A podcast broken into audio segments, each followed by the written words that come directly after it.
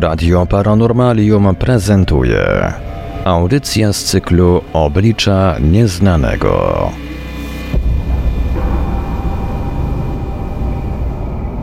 Witamy wszystkich tu zgromadzonych dzisiaj 30 stycznia 2023 roku, wszystkich zgromadzonych przy Radio Paranormalium.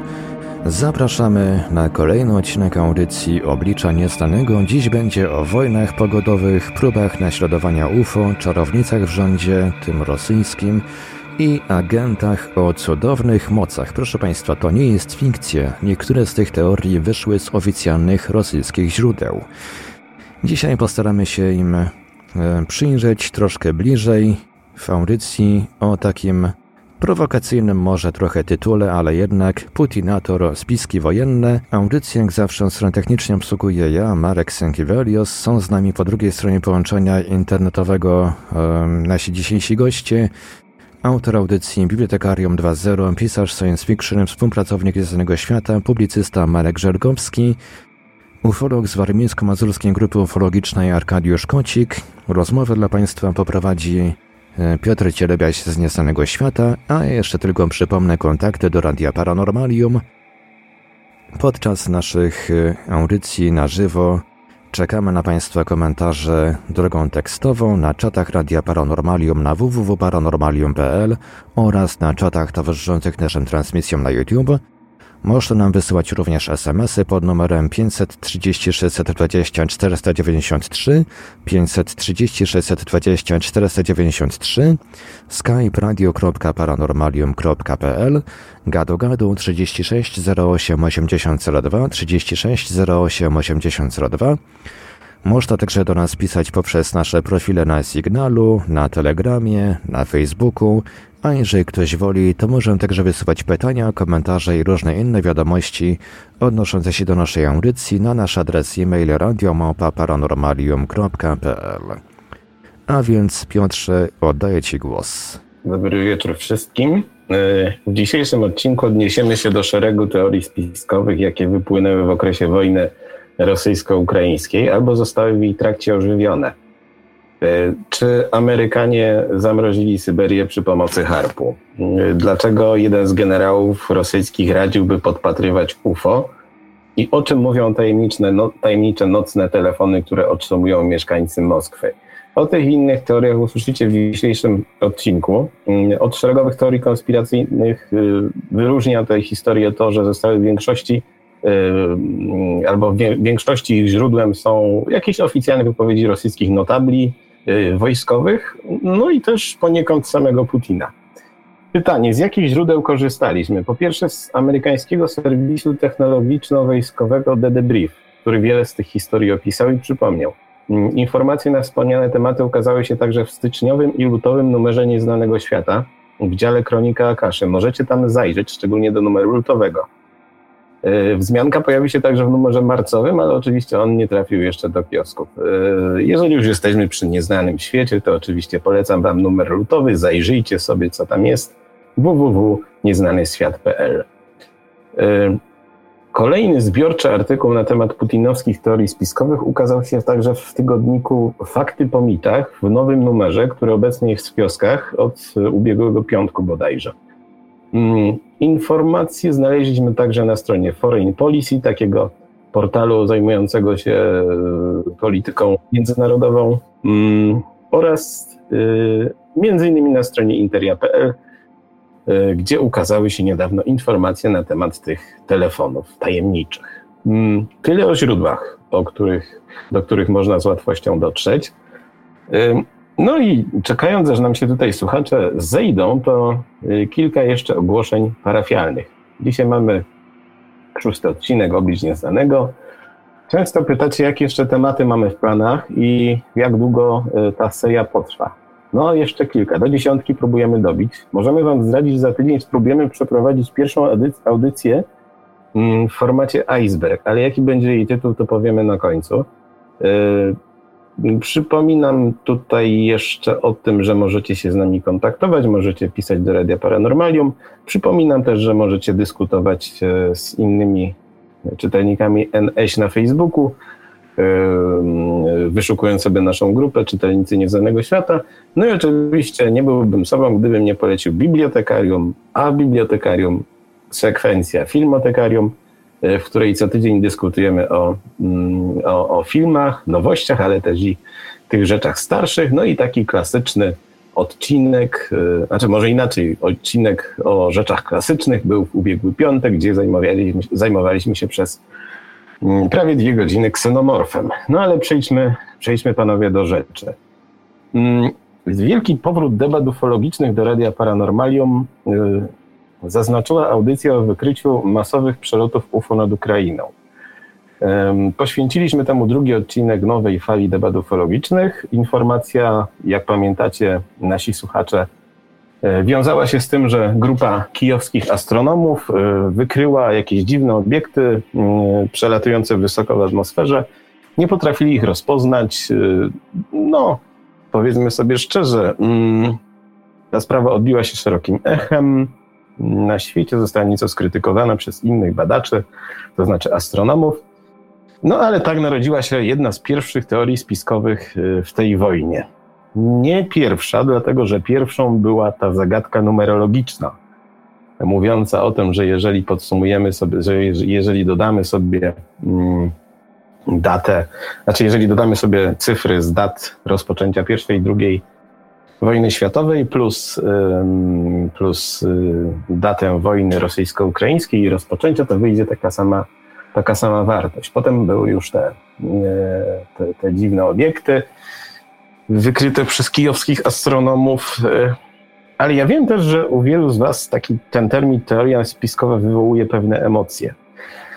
Marku, czasami tak jest, że rzeczone teorie okazują się nosić w sobie dużą dawkę prawdy.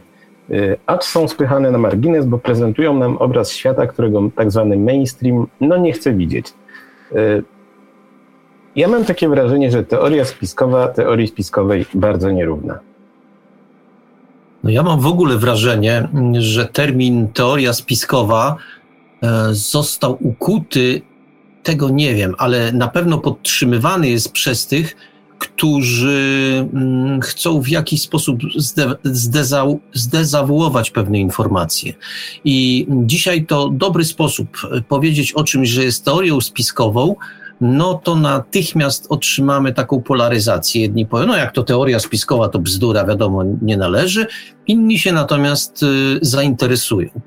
Mm, ja odnoszę wrażenie, że to, to, to, to szafowanie takim tym, tym określeniem teoria spiskowa no, tak naprawdę nie pomaga. No, nie pomaga y, w zrozumieniu sytuacji, bo zamiast sobie coś szufladkować, klasyfikować, mówić sobie, no to, to jest to, albo to jest tamto, to wstawimy do tej, albo do tej, albo do tamtej szufladki, lepiej jest po prostu analizować poszczególne wydarzenia, jeśli dojdziemy do wniosku, że są bzdurne, głupie albo nielogiczne, no to wiemy już, co mamy o tym myśleć, przynajmniej tak w, w cichości swojego ducha. Jeśli natomiast y, z jakiejś takiej analizy, nie wiem czy logicznej, może pseudologicznej, ale wyjdzie nam, że to wydaje nam się prawdopodobne, to jeśli nawet słyszymy wokół, że to teoria spiskowa, teoria spiskowa, teoria spiskowa, to proponuje się tym po prostu nie przejmować, bo to bardzo często jest tak i to bardzo wielu youtuberów, ale też po prostu zwykłych ludzi udowadnia,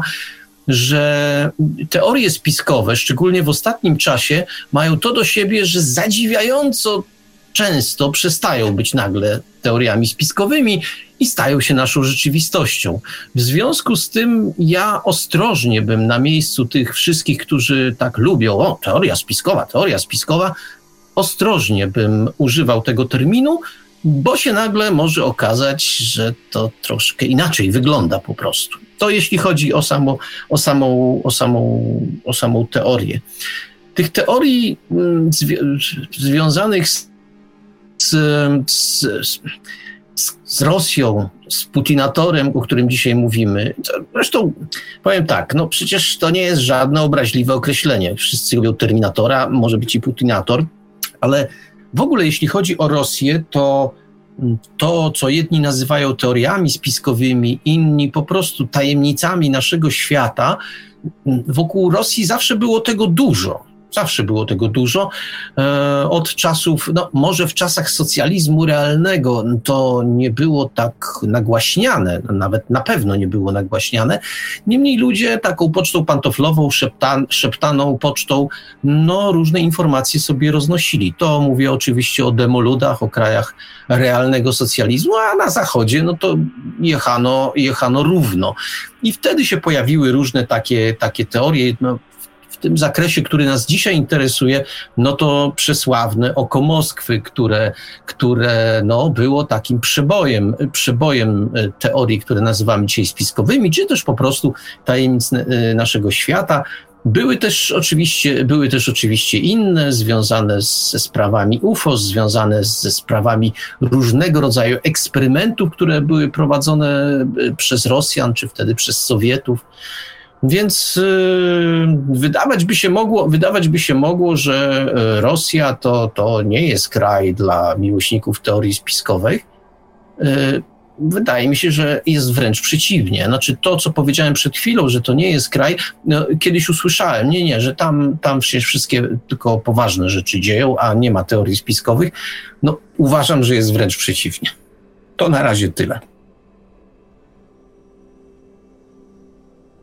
Tak, y, zauważymy dzisiaj, że teorie spiskowe weszły tam nawet do oficjalnego obiegu i stały się elementem no, narracji politycznej.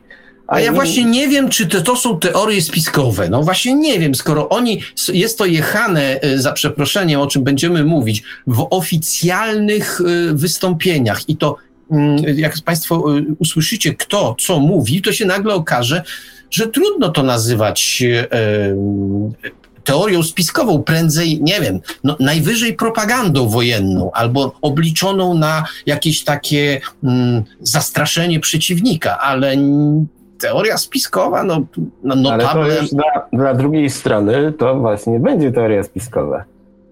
No tak. Czyli, czyli ważna rzecz się pojawia. Teorią spiskową nie jest to, co jest teorią spiskową, tylko od, zależy od której strony na to patrzymy. Czasami może być to właśnie tak, jak powiedziałeś, co dla jednych jest teorią spiskową, dla drugich jest realem, rzeczywistością. W odcinku y, o legendach miejskich mieliśmy taki y, mały wątek dotyczący Rosji. Tam było powiedziane, dlaczego tam jest dużo tych legend miejskich, a także no, tak zwanych teorii spiskowych, z tego powodu, że stanowiły one oręż e, w walce politycznej swego czasu. Jeżeli o czymś nie można było mówić, to mówiono o tym no, pół szeptem, pół gębkiem. Tak się rodziły te wszystkie dziwne historie. E, ale Arku, jak powiedziałem, teoria spiskowa, teorii spiskowej bardzo, bardzo nierówna i mamy na tym polu no, mnóstwo rzeczy. Od wspomnianych wojen pogodowych po to, kto zabił Kennedy'ego, a pojawią się niedługo na ten temat nowe informacje. E, znaczy, nie, nie na ten temat, ale w tej sprawie. E, no, po reptilian tak naprawdę. I znowu w naszych debatach, znowu w naszych audycjach dochodzimy do takiego wniosku, że rozmawiamy o zjawiskach i tematach, które są naprawdę wielkim, wielkim worem, do którego ktoś wrzuca wszelkie skrawki i ścinki. E, jak ty definiujesz teorię spiskową? Czy, mm, czy to nie jest tak, że ten mainstream próbuje czasami nazywając coś właśnie tak, no jakąś rzecz, jakąś rzecz zdeprecjonować. E, to tak, zdecydowanie tak, e, z tym, że z małym ale. E, no każdy, każdy ma jakieś tam swoje poczucie realności i, i te teorie spiskowe, w sumie teoria jest, musi być oparta na, na jakimś oparta no, na jakimś przemyśleniu, e, a poza tym e, no, musi być e, jakieś, jakieś dowody jej działania. I tutaj w teoriach spiskowych bardzo często jest tak, że no cholera sprawdzają się i to jest właśnie naj, naj, najbardziej gorzkie z tego wszystkiego. Naj, taka słynniejsza teoria spiskowa dotyczy zniewolenia ludzkości przez przez jakąś grupę wybranych ludzi i była ona e, ogłoszona, mówiona przez Werhera von Brauna i właśnie on mówił, że pierwszym stadium będzie właśnie takie zastraszanie terroryzmem. Mieliśmy to. Później stąd były, jest możliwość dotarcia do, do, do naszych najskrytszych tajemnic drogą, drogą elektroniczną. Później miała być pandemia. No, mieliśmy tutaj całkiem niedawno bardzo ostre ograniczenia z tytułu choroby, która e, przebiegała u bardzo wielu osób całkiem bezobjawowo. E, no i trzecią miało być właśnie zagrożenie z kosmosu, na które czekamy, ale jeżeli e, wspomnimy właśnie takie falstarty, jakie były właśnie na Ukrainie, czy właśnie tak, tego typu informacje, czy jakieś właśnie informacje o, o, o tiktakach, które no, w zasadzie wstrzymywano przez e, informacje te i, i, i e, z punktu widzenia takiego właśnie rządowego, wstrzymywano przez te informacje przez długi, długi okres czasu, więc w tej chwili one wychodzą właśnie po, po, po czasie pandemii. No, tak wygląda, jakbyśmy wkraczali w następną epokę właśnie tej teorii spiskowej von Brauna, więc te wszystkie teorie spiskowe no, no niestety, ale e, zaczynają się sprawdzać. Jeżeli chodzi o samą Rosję, to sami e, Rosjanie mówili swego czasu, że e, Rosja to taka zaczarowana kraina, gdzie w sumie wszystko może się zdarzyć. Jeżeli weźmiemy pod uwagę to, że Rosjanie przeznaczali, Rosja, Związek Radziecki w sumie przeznaczał ogromne pieniądze no może nawet nie ogromne pieniądze, ale zniewalał ludzi w ten sposób, żeby wykonywali określone, sprawdzali określone teorie e, niemalże do skutku. No, czasami ten skutek był bardzo, bardzo fajny, choć, e, choć e, nie, niewykorzystany odpowiednio, tak jak miało to miejsce z silnikami rakietowymi, którego Rosjanie stworzyli, no w sumie najlepszy e, swego czasu energię, silnik rakietowy na, na świecie. Mm, a to tylko dlatego, że po prostu tak długo y, próbowali, aż, aż, aż im się udało. No, wypracowali technologię y, jego produkcji. No, to samo było, jeżeli chodzi o E, rzeczy takie e, bardziej psychotroniczne, e, gdzie no od niemalże początku istnienia, wzorując się na, na, na, na Rasputinie i jego możliwościach psychicznych, parapsychicznych, no pewnie nie jeden dyktator późniejszy chciał z tego, z tego skorzystać i stąd rozwinęło, rozwijało się to tą stronę. Jest to e, nader ciekawy, e, ciekawy temat, dlatego że no, oni mieli e, wszystko to, czy, czego Zachód mógł się obawiać, to znaczy zamknięte strefy, zamknięte miasta.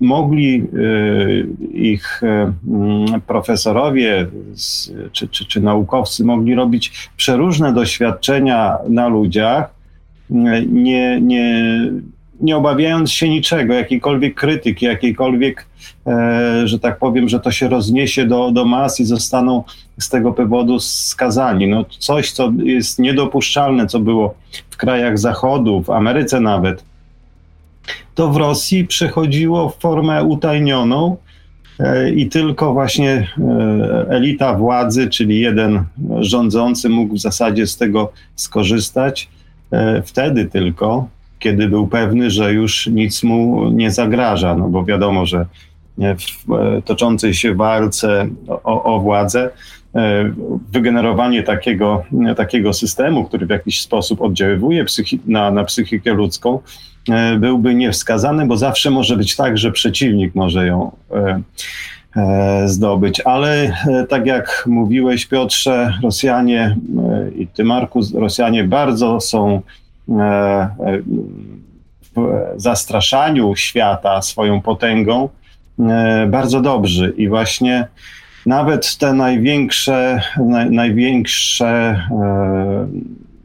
tuzy rosyjskiej polityki bardzo często dają do zrozumienia albo mówią wprost, tak jak Miedwiediew mówił o e, kontaktach z e, ufonautami swego czasu i to bez ogródek, e, z tym, że nic za tym nie idzie tak naprawdę. Jest to forma zastraszania i, i wprowadzania. No, trzeba wziąć pod uwagę, że oni nawet, Rosjanie, nawet sprawdzali gadżety, które pokazywał pokazywano w filmie o agencie 007. Oni to wszystko sprawdzali, czy to może chodzić, czy to może działać. Więc no, e, potrafili zatruwać, e, e, przez, niszczyć swoich wrogów poza granicami Rosji, nawet przy pomocy parasola, gdzie, gdzie zatruwano rutyną. Więc to jest naprawdę bardzo, tajem, bardzo taki no, tajemniczy kraj, ale tak no, z takiego negatywnego punktu widzenia raczej, jeżeli patrząc przez pryzmat człowieka zachodu, który ceni, ceni wolność, ceni e, jakiś humanitaryzm i tego typu rzeczy. Dziękuję. Dzięki. No nim zagłębimy się w nowe opowieści, to może taki mały blast from the past, jak to się mówi. E, jak mówiłem w tym odcinku o polskich legendach miejskich, mówiliśmy kilkakrotnie o Rosji e, i tak dalej, i tak dalej. No ale panowie, czy y, są jakieś historie, które wy zapamiętaliście w jakiś szczególny sposób? Bo chyba ta najpopularniejsza teoria spiskowa z przeszłości odnośnie Rosji wiąże się z tak zwanym rosyjskim dzięciołem i to był dźwięk emitowany przez system radarów y, pozahoryzontalnych bodajże Dugaczce, które znajdowały się na terenie obecnej Ukrainy, między innymi koło Czarnobyla i Mikołajowa. Był też jeszcze jeden daleko na Syberii. Ta robiąca wrażenie konstrukcja metalowa powodowała zakłócenia wśród krótkofalowców i profesjonalnych użytkowników fal krótkich w postaci charakterystycznych transmisji, takiego stukania, które stało się też na przykład obiektem badania amerykańskiej Komisji Komunikacji. Mm, no ale co, tak naj, co, co było najciekawsze w rosyjskim dzięciole? Dlatego, że y, około, około tego y, te dźwięki zaczęły się pojawiać około roku 1976. Z tego co, co pamiętam, i ta teoria sugerowała, że ten dźwięk to nie jest takie zwykłe sztukanie, tylko że przy pomocy jego Sowieci próbują eksperymentów z masowym praniem mózgów ten monotonny dźwięk miał, e, Marku, mieć działanie jakieś psychofizyczne. I co ciekawe, e, na Zachodzie padło to na tyle podatny grunt, że nawet konsultant e, kanadyjskiego rządu o nazwisku, już mówię, Michrowski, powiedział, że to jest całkiem możliwe.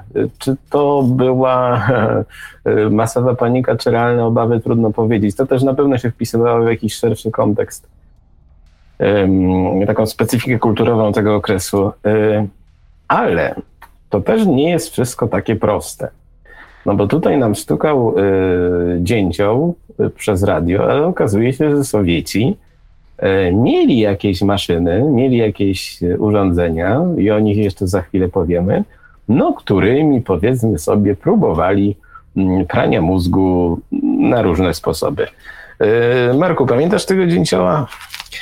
No pamiętam, pamiętam. To, y, częściowo już powiedziałeś. Ja w ogóle doradzam wszystkim naszym słuchaczom, którzy jeszcze y, dzięcioła oka Moskwy nie widzieli, y, żeby sobie zerknęli do internetu. Te konstrukcje są naprawdę imponujące.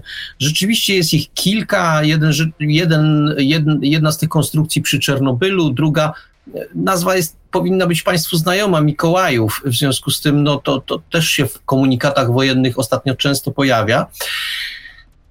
Piotr powiedział, że to były, że to były radary takie pozahoryzontalne. To się wydaje, to się wydaje takie, takie dziwne, natomiast one wykorzystywały zjawiska, zjawiska odbijania fal od jonosfery i dzięki temu rzeczywiście można było zajrzeć niejako za horyzont i w ten sposób badać, e, co się tam dzieje. A Rosjan to szczególnie interesowało, na przykład dzięki temu e, systemowi radarowemu Duga mieli pod kontrolą na przykład wyspę Guam, na której Amerykanie, wiadomo, siedzieli i różne, nad różnymi rzeczami kombinowali. A oni poprzez jonosferę, ja tylko przypomnę, to taka warstwa, która się kilkadziesiąt, sześćdziesiąt bodajże kilometrów e, nad powierzchnią Ziemi rozciąga. I przez to odbicie można było rzeczywiście za e, horyzont, za horyzont zajrzeć. Natomiast y, ja powiem tak, ja troszkę rozumiem e, Zachód, bo mm, ja pamiętam, że w dziś połowie lat 70., jako zupełny gówniarz, zacząłem słuchać wolnej Europy. Ktoś powie, no, no dobrze, no to wspomnienia, zaczną się, zaczną się wspomnienia z młodości. Nie pod tym kątem to mówię. Jedną z pierwszych rzeczy, które usłyszałem w wiadomościach nadawanych, e, nadawanych z Monachium, było to, że ambasada rosyjska, e, przepraszam, że ambasada amerykańska w Rosji, w Moskwie, doniosła, że po raz kolejny, tam tego i tego dnia, ambasada była poddana i wybaczcie Państwo, ja już tego nie pamiętam, jakiemuś promieniowaniu, jakieś promieniowanie wypuszczano w jej stronę. Wybaczcie, nie pamiętam. To po latach się wyjaśniło, że to był system podsłuchowy, że dzięki drganiu szyb na przykład można było odpowiednie, odpowiednie rzeczy takie z, tych, z tego promieniowania wypu, wy, elektromagnetycznego wypuszczając, można było na przykład podsłuchiwać ambasady. Ale te wszystkie takie dziwne zjawiska, które się, które, które się pojawiały, skłaniały mm, przedstawicieli krajów zachodnich do brania pod lupę każdego zjawiska, które gdzieś tam w Rosji się ulęgło, gdzieś tam w Rosji zaczynało działać i nic dziwnego, że ten radar, który tak dzięciolił y, na tych, na tych, na tych krótkich falach, on zaniepokoił i rzeczywiście, y, rzeczywiście ten radar e, po raz pierwszy się odezwał jako dzięcioł. One powstały wcześniej, jeszcze w latach 60., przynajmniej część tego systemu powstała, ale to pierwsze dzięciolenie było się w 76 roku i wykryli je Finowie. W marcu to było i wykryli je Finowie. No i tak sobie to funkcjonowało. Dosyć kluczowym momentem był rok 86, kiedy to wszystko pierdyknęło w okolicach Czernobyla, w związku z czym część systemu mm, jakby przestała działać, ale niby przestała działać, ale jeszcze pewne, pewne e, dźwięki z siebie oko Moskwy wydobywało, no bo badano to jeszcze dużo, dużo później. W 1988 roku Federalna Komisja Komunikacji mm, badała ten sygnał rosyjskiego dzięcioła, więc widzicie Państwo, to było traktowane bardzo poważnie. Dzisiaj może my się uśmiecha, troszkę uśmiechamy przy tym, jak ja to, jak, jak o tym mówię. Tymczasem że co więcej, podobno nawet w 2014 roku y, zarejestrowano, zarejestrowano taki kolejny sygnał, taki dzięcio, dzięciołowy ze strony Dugi. Na ile to jest prawdą, nie wiem, no bo to były doniesienia gdzieś, gdzieś z zachodniej Polski, z północno-zachodniej Polski. Wiem, że informacje, wiem, że informacje na ten temat podawało TVN24. Dla jednych, dla jednych to jest źródło wiarygodne, dla drugich mm, może niekoniecznie. W każdym razie y, rzeczywiście pojawił się w pewnym momencie ten, ten motyw mówiący, sugerujący, że to rzeczywiście może być machina do kontroli, do kontroli umysłów, do tego, żeby. I, i, i badało to, badały to nie tylko, mm, znaczy może inaczej, Badali to nie tylko pasjonaci, ludzie, którzy byli niezwykle tym zainteresowani, ale tak jak już wspomniałem, e, jakieś agendy, agendy rządowe. I powiem jedno, nie znaleziono nie znaleziono żadnych, żadnych e, podstaw, przynajmniej oficjalnie, do tego, żeby twierdzić, że dzięcioł oko Moskwy to było, to było coś, co rzeczywiście kontrolę umysłów nad społeczeństwami zachodnimi miało sprawować. No, to, że nie stwierdzono, to oczywiście nie musi nic znaczyć. Niemniej jednak, no. Ja myślę, że, to, że ta historia e, radaru, takiego pozahoryzontalnego, ona się jednak broni. Natomiast sama historia związana z tym, że ktoś mógł próbować kontrolować umysły, mm, może być, no, była na pewno ciekawa. Zresztą, jak będziemy za chwilę pewno przynajmniej wspomnimy o harpie amerykańskim, no, tam numer polega na tym, że jedni twierdzą, że to y, y, instalacja do kontrolowania pogody i w ogóle, inni twierdzą, że zupełnie nie. Okazuje się, że są też tacy, którzy twierdzą, że i jedni, i drudzy mają rację, bo to, to kontrolowanie pogody podobno wyszło przypadkowo. E, podgrzewanie określonych warstw atmosfery, i nagle się okazało, że HARP może służyć jeszcze do czegoś innego niż pierwotnie zakładano. Znowu, nie potrafię odpowiedzieć na pytanie, jak jest. Tylko pokazuje, że to, że, mm, to, że echo, że, że to y, nie echo, tylko oko Moskwy było jest uznawane za radar, wcale jeszcze nie oznacza, że nie, nie mogło pełnić takiej funkcji dodanej, jakiejś ekstra. No i, i, i no trudno. No, Myślę, że to, ponieważ echo, y, nie echo, cały czas z tym echem, bo to, to rozgłośnia. W każdym razie y, oko Moskwy, y, oko Moskwy przestało się odzywać, no więc nawet jeśli by próbowali, to teraz już nas nie kontrolują. No to jedna z takich historii z czasów Związku Radzieckiego, ale ich jest, wię, ich jest znacznie więcej, bo tak jak tu obaj panowie wspomnieliście, Rosjanie mieli tę cudowną a jedni powiedzą wariacką e, skłonność do tego, żeby sprawdzać, co w gruncie rzeczy, w gruncie rzeczy nie wydaje się takie odjechane, no bo e, są ludzie, którzy mówią, nie, nie, to jest niemożliwe i przechodzą nad tym do porządku dziennego. E, Rosjanie postawili, postawili na taką praktyczną, praktyczne sprawdzanie. Jeśli o czymś się dowiedzieli, no to sprawdzali, czy, czy to można zrobić, czy nie można zrobić, bo wiecie Państwo, to jest tak, że czasami rzeczy, które wydają nam się niemożliwe, jak je zaczniemy, zaczniemy wytwarzać, zaczynamy, zaczniemy je konstruować, to się nagle okazuje, że one są jednak trochę bardziej możliwe niż nam się wydawało na początku. Umysł ludzki jest wielki, wspaniałe to narzędzie, niemniej jednak czasami warto coś sprawdzić w praktyce i z tego punktu widzenia ja uważam, że oni przybra- podjęli jakieś tam wysiłki i, i jakby posu- posuwali się taką drogą bardzo, bardzo racjonalną, e, empirycznego sprawdzania pewnych, pewnych rzeczy. Stąd mogły się brać najrozmaitsze teorie spiskowe, no bo oni rzeczywiście mieli tendencję do, do takiego dokładnego sprawdzania. Tak mi się wydaje. Tak, to też nie jest tak, że, że na Zachodzie różnego rodzaju spiski się nie rozchodziły. Oczywiście się rozchodziły nawet w większej ilości. Amerykanie też mieli przecież e, różnego rodzaju fobie, a to przed komunistami, a to przed UFO, a to przed zatrutym ujęciem wody przy pomocy y, narkotyków i tak dalej, i tak dalej. Także to nie jest taka czysto radziecka specyfika. Natomiast te historie z, z tej wschodniej strony żelaznej kurtyny są jako, jakoś takie bardziej, że tak powiem, e, no działają na umysł. Ale Arku, bo tutaj mówiliśmy o tym, o tej instalacji Duga, ona tam już nie pamiętam w, w jakiej części została pewnie zdemontowana, kto wie, co tam jeszcze Rosjanie kryją, ale tych historii było więcej. Jednym z tych elementów była na przykład taka maszynka LIDA, którą w latach 80. radzieccy, radzieccy lekarze podarowali amerykańskim kolegom, no i okazało się, że ona może służyć no nie tylko, mm, no nie tylko, tak powiem, kuracjom konwencjonalnym, ale też w jakiś sposób znajdować wykorzystanie w psychiatrii. No i, I nazwano ją i nazwano ją małym dzięciołem, czy mini dzięciołem. To też jest ważne. Tak, i stąd, stąd też właśnie była ta obawa, że skoro mają taką małą farelkę do prania mózgu, to jak zbudują taką wielką, to co oni mogą przy jej pomocy zrobić?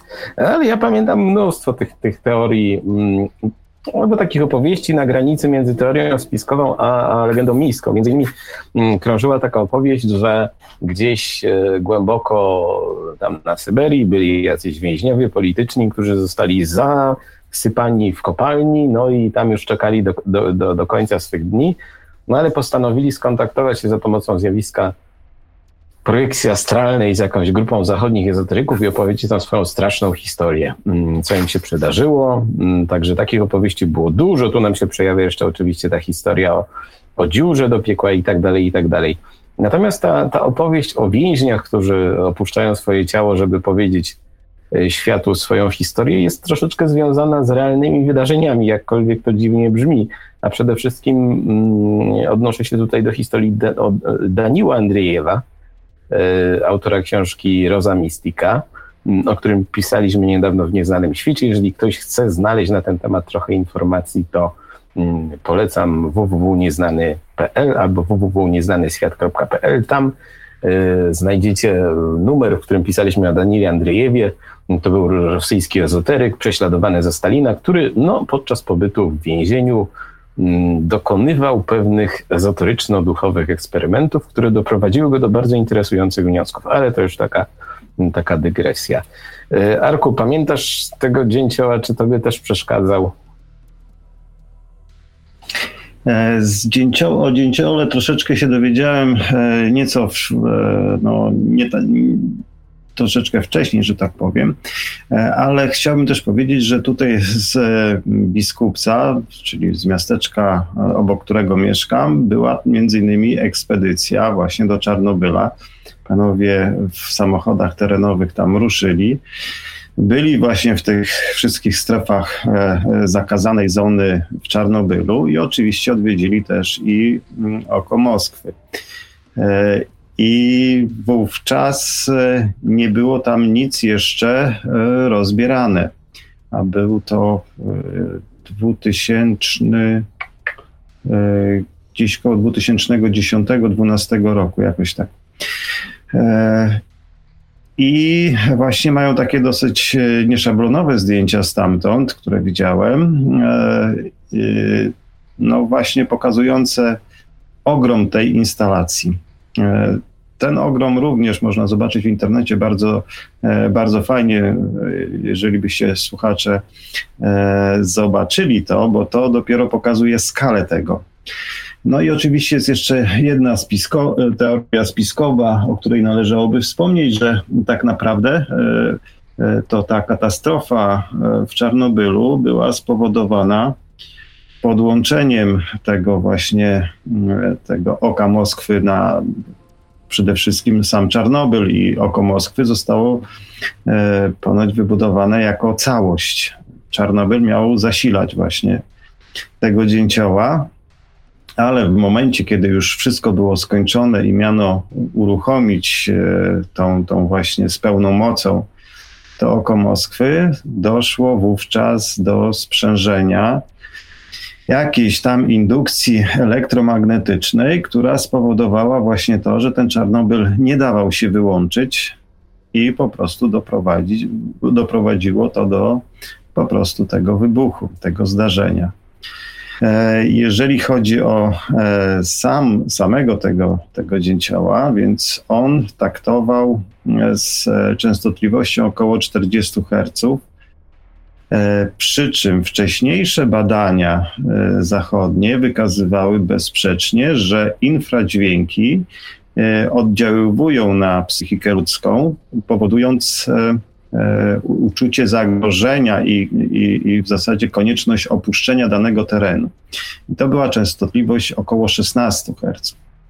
E, no, Rosjanie zastosowali nieco wyższą i podejrzewam, że e, przyczyniły się do tego badania w gułagach między innymi, a to dlatego, że żeby po prostu uspokoić więźniów, uspoko- ewentualnie chcących się zbuntować, Mm, e, po prostu najprościej, najprościej zastosować to w ten sposób, że włączamy instrumenty i po prostu ludzie się uspokajają. E, te badania e, były prowadzone, no przecież jeszcze Samberia w 1955 roku wspominał, że w zasadzie nie będzie potrzebny żaden atom, nic, no bo cały świat ulegnie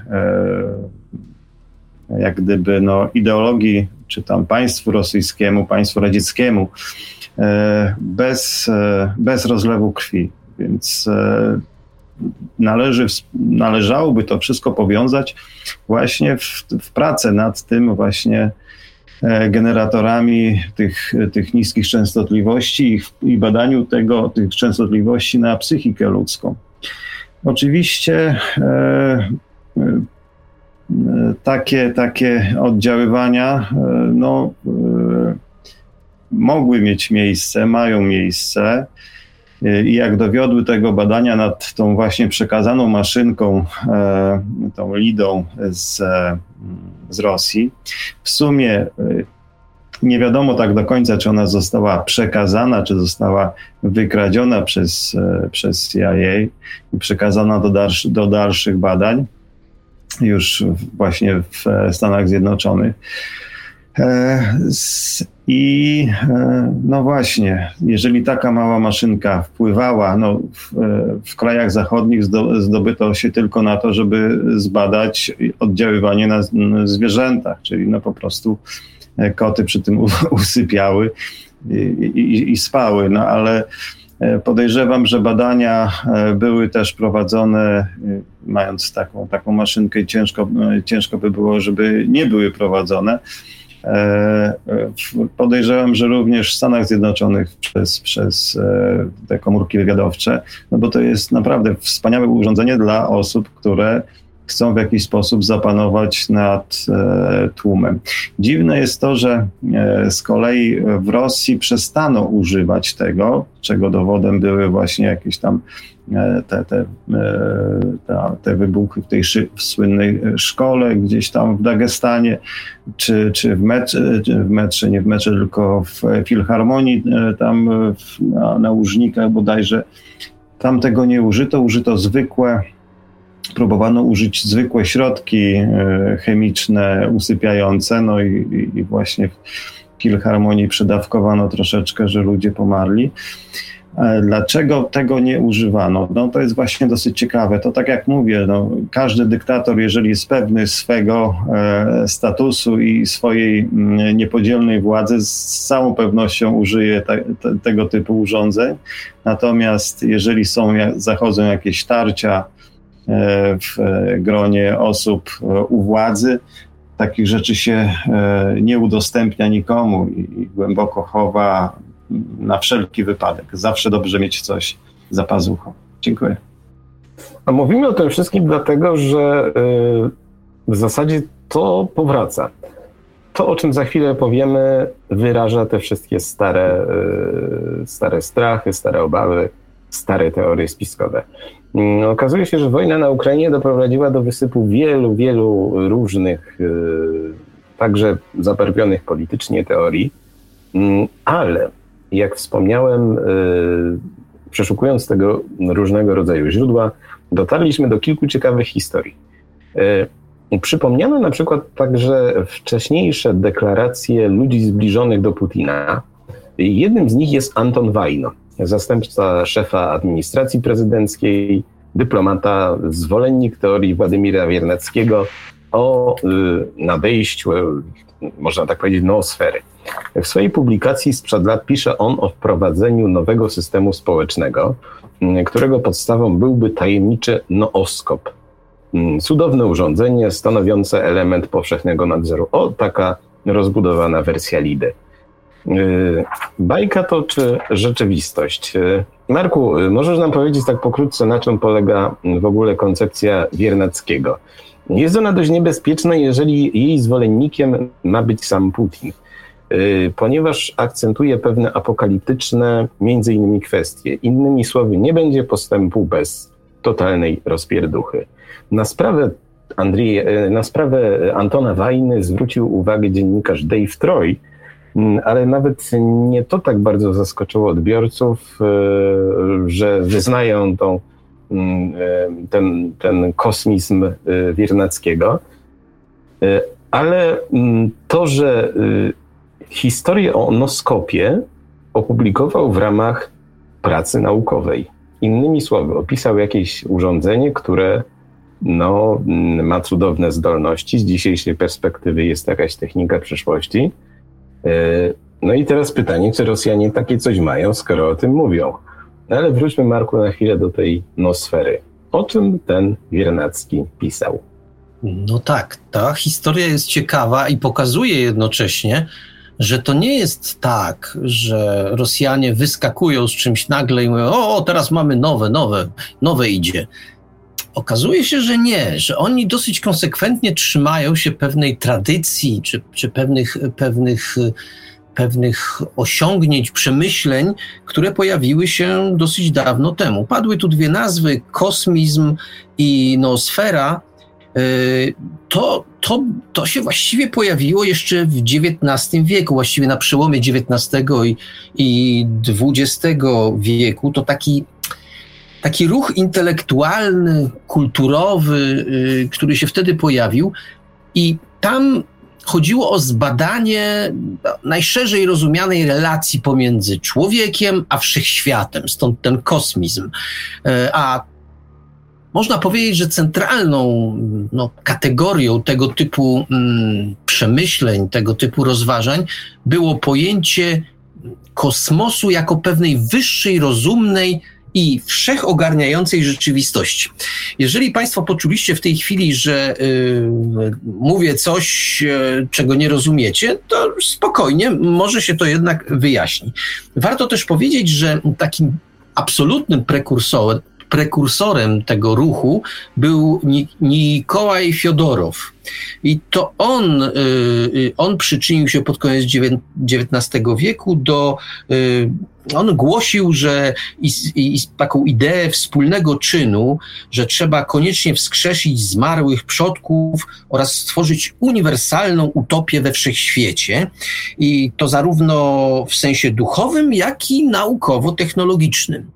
I mm, według Fiodorowa no, realizacja tego projektu powinna stanowić dla ludzkości takie najważniejsze zadanie, jaką sobie, jako, jakie, jakie stawia przed sobą i to powinien być wręcz imperatyw moralny dla, dla ludzkości i to spełnienie idei kosmizmu jest, y, byłoby twórcze, konstruktywne i przekształciłoby świat. Zauważcie Państwo, że pojawia się ta idea zmiany i to wielkiej zmiany, przekształcenia świata.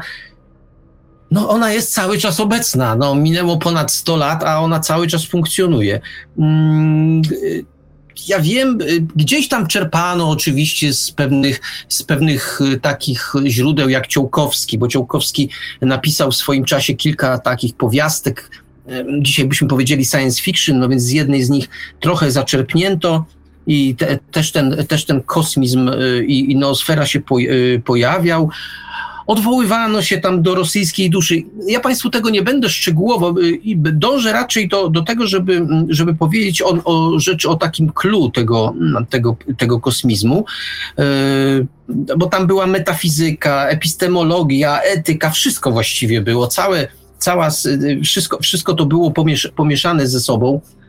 I Władimir Iwanowicz Wiernacki to był człowiek, który, który Zmarł w 1945 roku, więc zauważcie Państwo, jakby rzeczywiście koniec XIX wieku, początek XX i on hmm, parał się różnymi dziedzinami wiedzy. Był y, takim rosyjsko-ukraińskim y, a może i właściwie radzieckim, mineralogiem, geochemikiem, był w ogóle twórcą geochemii, biogeochemii i kupy innych jeszcze nauk. W każdym razie ten kosmizm przejawiał się tam zdecydowanie i mm, ta idea noosfery, która się pojawiła tutaj, to jest ważny wkład tego, tego autora w pojmowanie filozofii przyrody. I w Rosji na początku XX wieku to było niezwykle, niezwykle atrakcyjne, niezwykle, niezwykle promowane, niezwykle się tym interesowano. Mm, I on jest autorem takiej książki jak Biosfera, wydanej w latach dwudziestych XX y, wieku. I on y, popularyzował taką hipotezę, właściwie powiedział o tej hipotezie, hipotezie, że życie jest siłą, która kształtuje geologicznie, geologicznie Ziemię. E, notabene, pewno między innymi za to dostał w 1943 roku, więc w sumie niedługo przed śmiercią, dostał nagrodę stalinowską.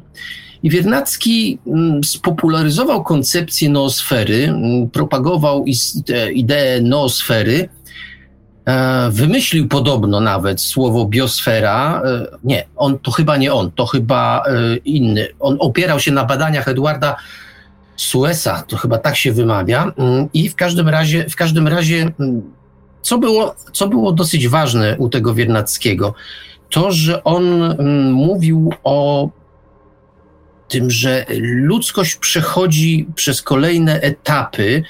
Najpierw był, najpierw był etap y, taki, w którym, w którym Oj, właśnie zapomniałem nazwy, wyleciała mi z głowy nazwa. Y, trzy etapy w każdym razie w rozwoju, w rozwoju ludzkości są, są niezbędne.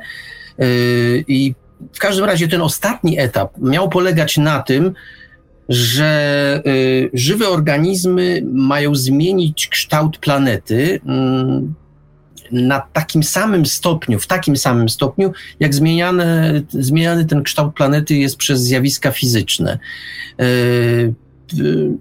To, to mniej więcej, to mniej więcej tyle, co, co, co, co chciałbym powiedzieć. Niestety wyleciała mi z głowy ta, ta triada, bo on sformułował taką triadę trzech, trzech etapów w rozwoju, w rozwoju ludzkości.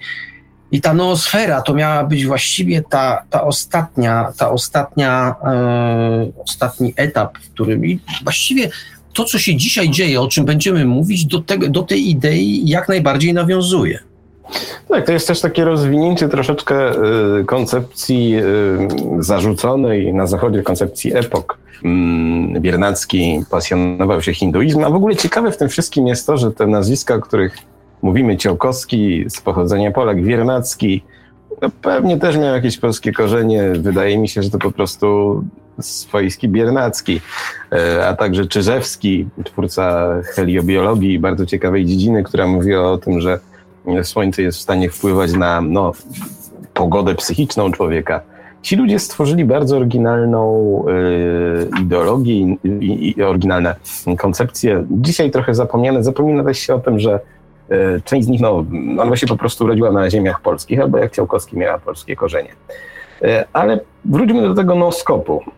Wyjaśniłeś, Marku, czym była nosfera, natomiast w roku 2016 BBC poinformowało, Mm, o pracę, jaką Wajno, który w tamtym okresie już wszedł w skład bliskiego, mm, oto, znaczy takiego najbliższego kręgu Putina, e, opublikował w roku 2012. Pisał w niej, że ekonomia i zjawiska w społeczeństwie stały się zbyt kompleksowe, aby nimi zarządzać w stary sposób. Po prostu wszystko jest zbyt y, skomplikowane, aby to jakoś formalnie ująć.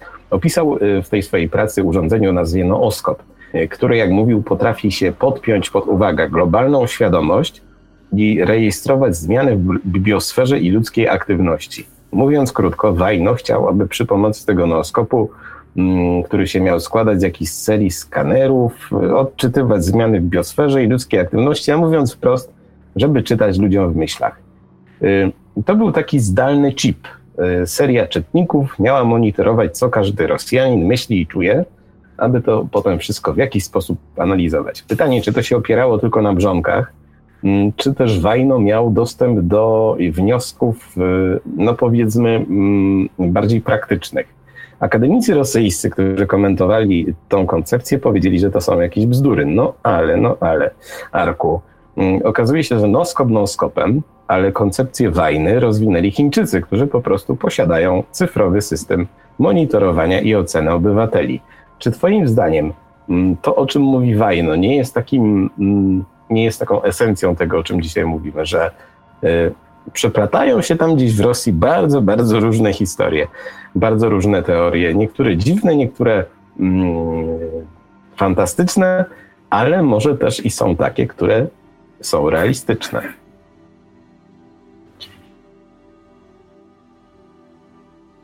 To jest e, tragiczne, ale e, ten oskop, gdy o nim zacząłeś mówić, zaczęło mi się przypominać e, książka Orwella, tyś, rok 1984, tak? I właśnie tam też pełna inwigilacja społeczeństwa i, e, i, i Ministerstwo Miłości. E, i tak to wyglądało, wygląda mniej więcej to w Chinach, gdzie mm, oprócz tego, że, że człowiek otrzymuje punkty za E, prawidłowe, mm, prawidłowe postępowanie, to jeszcze usuwane są informacje e, z, na przykład z protestów, które ktoś nagrywał telefonem komórkowym. Po prostu instytucje rządowe wchodzą, E, znaczy wchodzą, no włamują mu się do telefonu i je potrafią usunąć. E, I to już jest takie właśnie typowo orwellowskie, gdzie po, można po prostu kusić się o e, zmianę postrzegania historii. Podobna, podobna, podobną rzeczą jest w tej chwili to, co się dzieje w Rosji. Jeżeli popatrzymy, to bardzo, bardzo wiele osób E, popiera napaść na inne państwo e, i mówią to dokładnie, co mówi Putin. A więc, że to właśnie napadnięci stanowili bardzo duże zagrożenie dla tych, którzy napadają. I, i, a jeżeli porównamy wielkość obydwu krajów i, i moce um, armii, no to raczej nie wydaje się to możliwe, żeby Ukraina napadała. Poza tym napadła na, na, na Rosję w jakiejkolwiek formie. I to jest właśnie e, to, co e, każdy dyktator chciałby po prostu e, zarówno wiedzieć, co myśli obywatel, jak i nakazać mu, co ma myśleć. Ale Arku, to, to nie lepiej, żeby sobie zrobili jakiś system, jakiś, jakiś serwis społecznościowy, aniżeli wymyślać jakiś nooskop. Przecież z Facebooka też, też służby specjalne mogą różne rzeczy wyczytać. Ba, z naszej aktywności w internecie. Tak się czasami zastanawiam, rozmyślając o tym systemie chińskim, czy to nie jest e, no, taka oficjalna wersja tego, o czym my tutaj na Zachodzie nie wiemy, że o, nas też można dużo przeczytać i też pewnie różne rzeczy się tutaj dzieją, tylko że u nas jest taka troszeczkę iluzja, no, że u nas to wolno. Tak, tylko nie wiemy, jaki, jaki procent Rosjan y, bierze udział w, w kontakcie. No, kontakcie, no to tak, tak się nazywa ichniejszy Facebook. Mm, I tak naprawdę, wiedząc o tym, że są e, inwigilowani, e, e, nie mogą, mogą w zasadzie nie, po, nie informować na mediach społecznościowych o tym, co na tego typu mediach społecznościowych.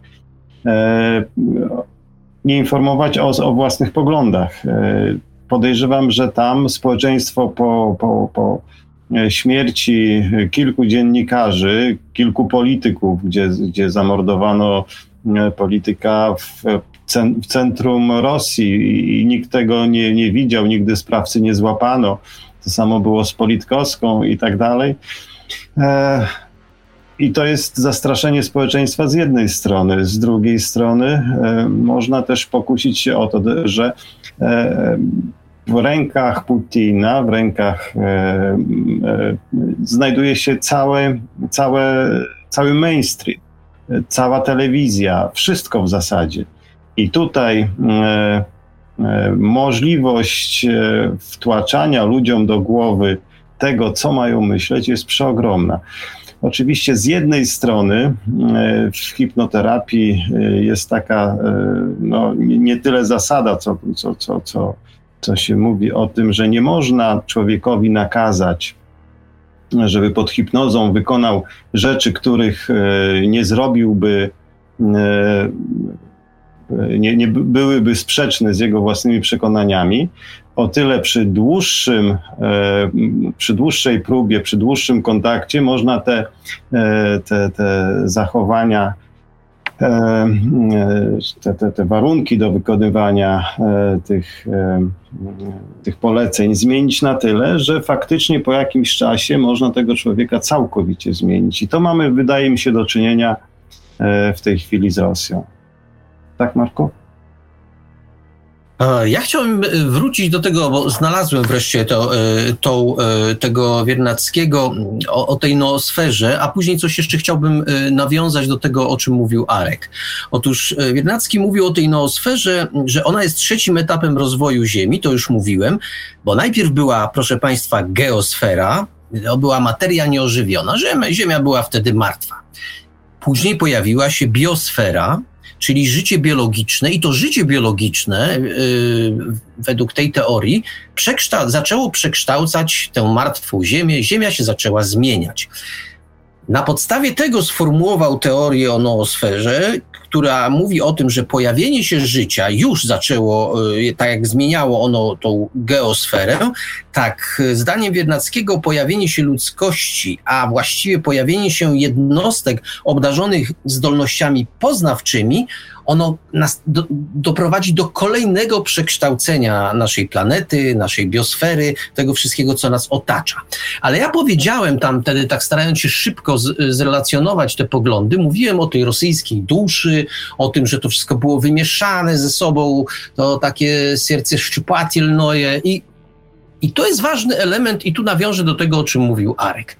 Bo y, o ile w Chinach y, no, nie ma właściwie, nie, nie wiem, chyba sama partia i same władze, a i też ludzie nie mają złudzeń. To znaczy, tam to jest robione tak bardzo technokratycznie. Kamery, kamery, kamery, jakby pełna kontrola i tak dalej, i tak dalej. Nie będę tego opowiadał, bo to mniej więcej wszyscy wiedzą. I tam nie ma złudzeń. Natomiast ja odnoszę wrażenie, aczkolwiek to jest moja, powiedzmy, taka teoria, że w Rosji e, jest taka tendencja do robienia tego inaczej. E, troszkę tak, znowu nawiązując do 84 roku, przecież tam w finale nie chodzi o to, żeby on y, okłamał tego przesłuchującego, że wi- ile palców widzi. On ma zobaczyć, że ich tam jest inna ilość niż w rzeczywistości. On ma pokochać, tak jak się kończy książka, pokochać wielkiego brata. I troszeczkę moim zdaniem jest tak, że gdzieś tam władze w Moskwie chciałyby, żeby nie tylko ci ludzie wyznawali pewne poglądy, ale żeby oni, oni wierzyli w te poglądy i w dodatku jeszcze kochali wielkiego brata. I troszeczkę mam wrażenie, że te, te wszystkie takie próby, które były dokonywane, szły w tym kierunku, że nie żeby tylko inwigilować i zastraszać, to oczywiście bardzo chętnie i jak najbardziej i na co dzień, ale tak naprawdę chodziło o to, żeby po pierwsze ludzie uwierzyli i naprawdę pokochali wielkiego brata. I takim elementem, który miał do tego skłonić, były właśnie te urządzenia, które mogłyby jakoś na psychikę, na psychikę wpływać.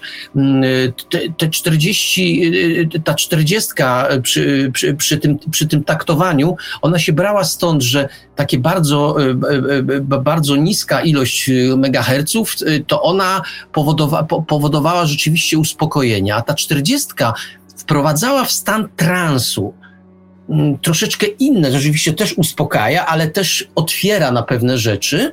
I być może też o to chodziło, że chodziło, żeby otwierać na różnego rodzaju sugestie. No, własne społeczeństwo ładuje się czymś innym. Może zachodnie społeczeństwo planowano upakować jakimiś innymi informacjami, kiedy wejdzie w stan transu i tak dalej, i tak dalej. To oczywiście, to oczywiście jest takie, takie gdybanie i takie, takie skakanie mm, z teorii na teorię, ale zwróciłbym na to uwagę, że mm, kiedy mówimy, jedni się z tego nabijają, inni i traktują to bardzo poważnie, że istnieje coś takiego jak ta rosyjska, rosyjska dusza i ta rosyjska dusza sprawia, że oni chcą to robić troszeczkę inaczej. To tyle, tak tylko chciałem dodać. No tutaj chciałbym wspomnieć jeszcze o takim systemie e, wizualno, wizualnym podprogowym, gdzie no, e, normalnie, jeżeli się patrzymy na, na telewizor e, czy, czy odtwarzacz jakiś filmowy, wystarczy, żeby 8 klatek przesuwało się na sekundę przed naszymi oczami i będziemy widzieli już ruch. Jeżeli w jednej z tych klatek zamienimy obraz na, na obraz właśnie taki podprogowy, nie jesteśmy w stanie tego zarejestrować bezpośrednio, co to było, natomiast e, sam, sama podświadomość nasza już tak.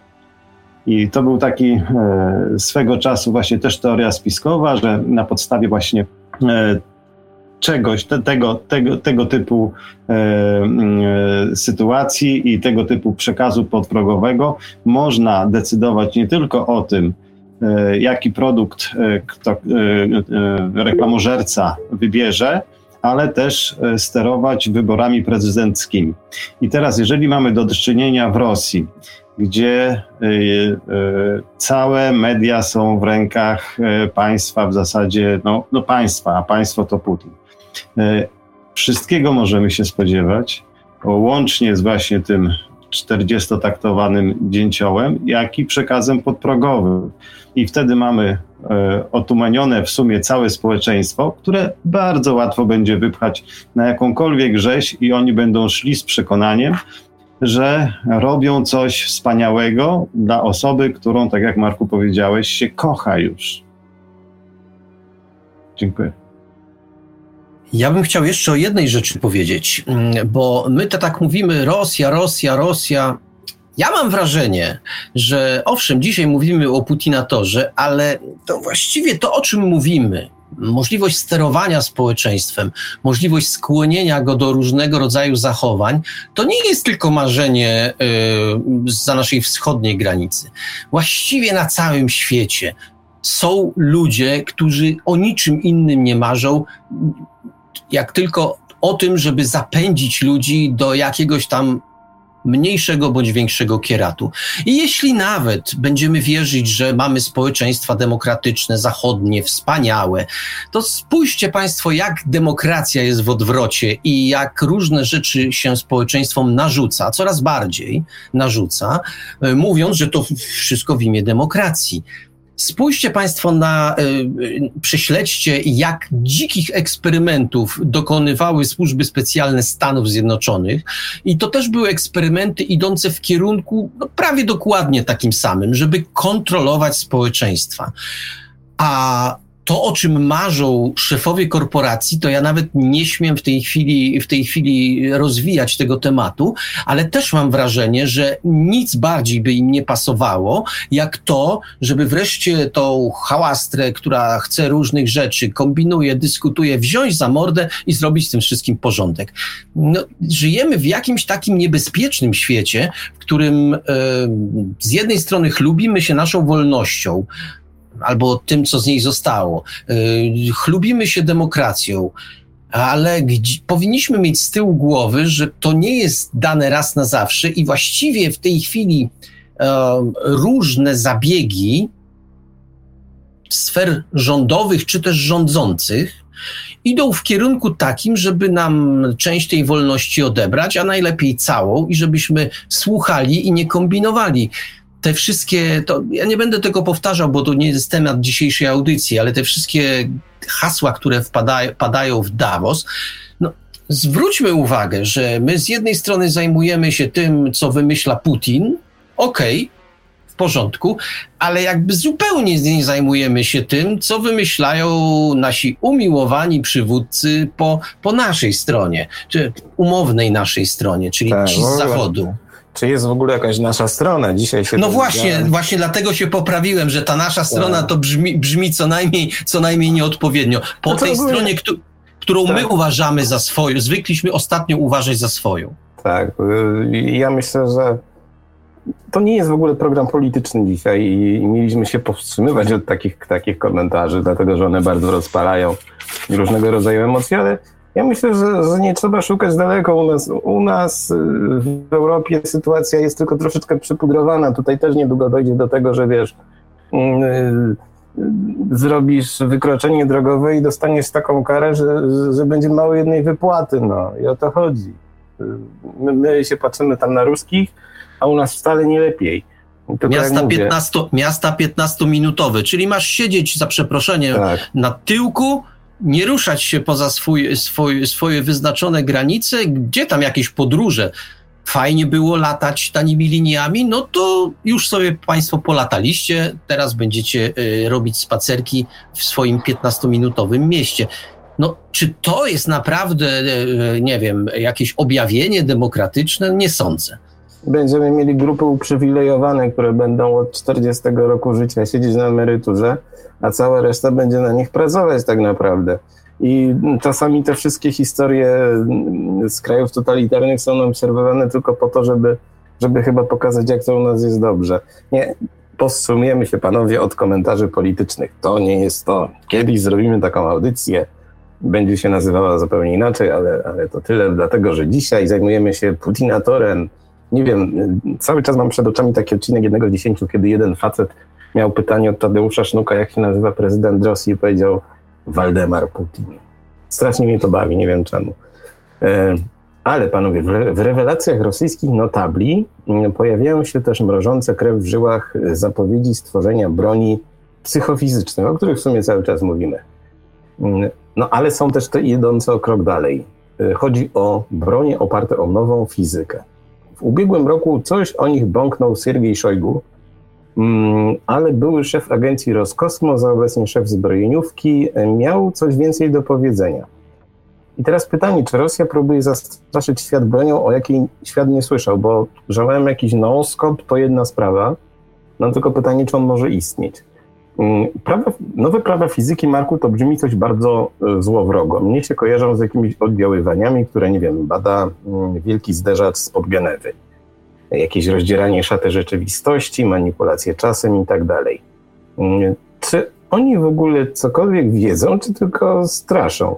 Bo tak naprawdę w kwestii e, tej nowej fizyki, już za Putina, to wszystko się zaczyna około roku 2012, ale tak naprawdę jak za chwilę zobaczycie, ciągnie się długo, długo e, w historię nawet Związku Radzieckiego.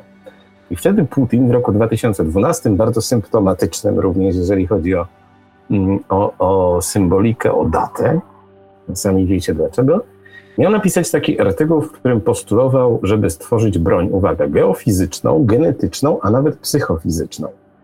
Mm, ta ostatnia zapewne byłaby czymś w rodzaju rosyjskiego dzięcioła, służąc otumanianiu albo też praniu mózgów na odległość. E, jak wyjaśniał Waldemar, e, tego rodzaju broni miały być bardziej akceptowalne od broni atomowej i służyć osiągnięciu celów strategicznych. W 2021 roku w rozmowie z agencją Interfax wspomniany szef e, Roskosmosu Juri Borisow zapytany już jako szef zbrojeniówki o plany na, na, na taki okres 2024-33, powiedział, że znowu trzeba stworzyć broń opartą o mm, nowe zasady fizyki. Co ciekawe, jak pisał y, wspomniany na początku portal The Debrief, y, były minister obrony, Anatolii Serdiuków miał y, zapewniać swego czasu Putina, że te nowe broni powstaną do roku 2020. I tutaj panowie pytanie, czy Putin rzeczywiście tworzy arsenał, jakiego świat nie widział, czy może realizuje mm, sowieckie marzenia o wielkości? Arku? E, z całą pewnością realizuje swoje marzenie o, o wielkiej, wielkim, wielkiej Rosji, e, no raczej Związku e, Sowieckiego od morza do, do, do morza. Chociaż nie takiego są już od morza, są największym krajem bądź co bądź, no ale chce odbudować to co, to, co, to, co pamięta z lat dzieciństwa, że było według niego, to było coś wspaniałego, według e, wielu niekoniecznie.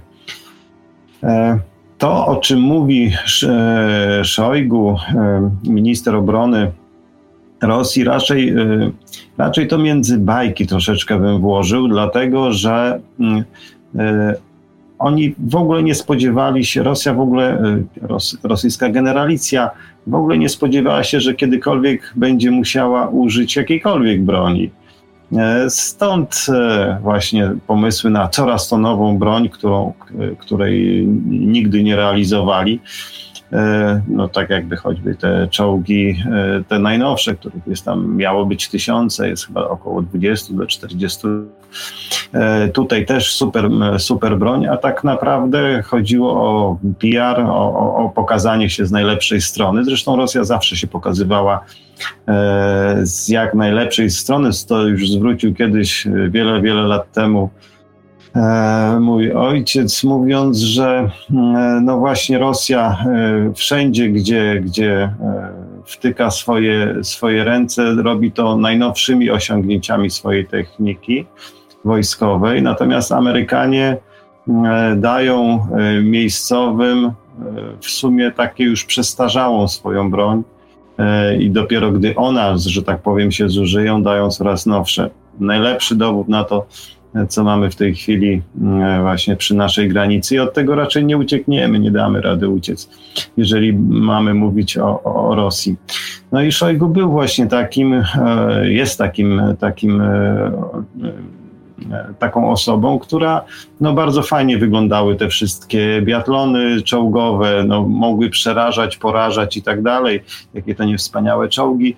No, troszeczkę w zetknięciu się z innymi czołgami które do nich strzelają, okazały się e, no, takimi mi, mi, mini rakietami, które potrafiły strzelać bardzo wysoko ze swoich, e, swoimi wieżyczkami. No i, e, ale tam gdzieś zawsze są ludzie, których, których właśnie ten car, ten, ten najwyższy, no nie widzi po prostu. Troszeczkę się inaczej to wygląda na, mimo wszystko na, tutaj na zachodzie. Chodzi, chociażby jeżeli chodzi o to, e, że z całą, e, no, dba się o socjal niemalże wszystkich. E, tam na, wschod, na wschodzie jest około 200 zamkniętych miast, gdzie nie wiemy, co się dzieje. Tak naprawdę ludzie muszą mieć po dwa, po trzy paszporty, żeby tam się specjalne zezwolenia, żeby się tam dostać i, i, i żeby wyjść. Jednym z tych takich tajnych miejsc jest legendarny już e, Kapustin Jar, gdzie nie wiadomo, co się dzieje tak naprawdę, gdzie no, fajnie jest e, z punktu widzenia e, zachodnich mediów pisać, co tam się może dziać i wymyślać no, praktycznie wszystko. A być może, że tam po prostu jest, czy była strefa, gdzie robiono próby nuklearne i po prostu te strefy nie nadają się do zamieszkania jeszcze, jeszcze długo, długo po tym, jak już Związa Związku Radzieckiego czy Stanów Zjednoczonych Ameryki nie będzie. E, więc to też musimy wziąć pod uwagę. Tych miast jest około 200. Miasta są zamknięte i to nie tylko z takiego powodu, że jest tam wydobywany jakiś e, pierwiastek ziem rzadkich, ale też i dlatego, że są tam jakieś tam, e, przerabiają materiał, e, który był wcześniej wykorzystany w elektrowniach atomowych. No ale są też miasta, które powstały na bazie gułagów i tak to, i tak to zostało do tej pory. Dziękuję. Tak. Marku, nim przejdziemy tutaj do, do tej kwestii nowej fizyki, o której Ci mówiłem, do tego rozdzierania rzeczywistości, do no bo z czym się tak naprawdę kojarzy nowa fizyka, nowe zasady fizyki, jak nie z czymś rodem ze Star Treka? Y, to taka mała dygresja, bo tutaj Arek powiedział, że Putin wspomina swoją młodość y, i to, co było w niej potężne. Y, I coś mi przyszło do głowy, bo okazuje się, że jeżeli tak zaczniemy śledzić jego, jego życiorys oficjalny, no to ten oficjalnie to wiemy jaki jest, że tam urodził się, uczył się, y, był w, w NRD i tak dalej. No, czy w RFN-ie. Y, ale przecież mamy też drugą wersję nieoficjalną życia Putina, która mówi, że on nie jest tym, za kogo się podaje.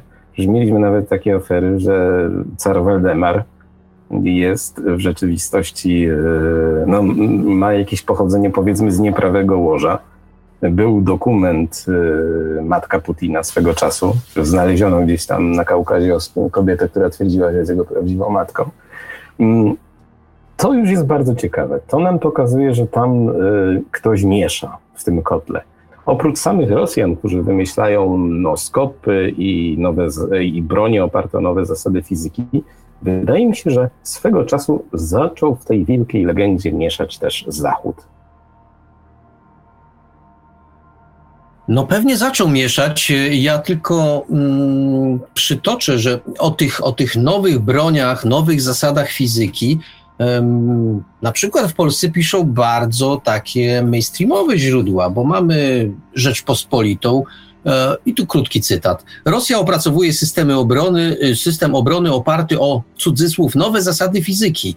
Dowódca wojsk obrony przeciwlotniczej rosyjskich sił zbrojnych generał Aleksander Leonow poinformował o rozwijaniu bomby elektromagnetycznej i innych.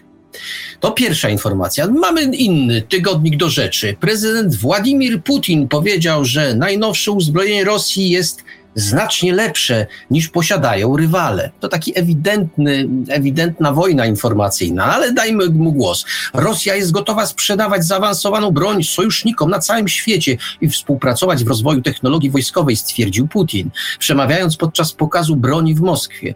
Mówimy o precyzyjnej broni robotyce, o systemach walki opartych na nowych zasadach fizyki. Wiele z nich wyprzedza swoje zagraniczne odpowiedniki o lata, a może dekady, a pod względem względem cech taktycznych i technicznych znacznie je przewyższa. Putin zapewnił, że Rosja opowiada się za jak najszerszym wszechstronnym rozwojem i współpracą wojskowo-techniczną. Dziś w warunkach zaufania do rodzącego się wielu, wielobiegunowego świata jest to szczególnie ważne, ocenił.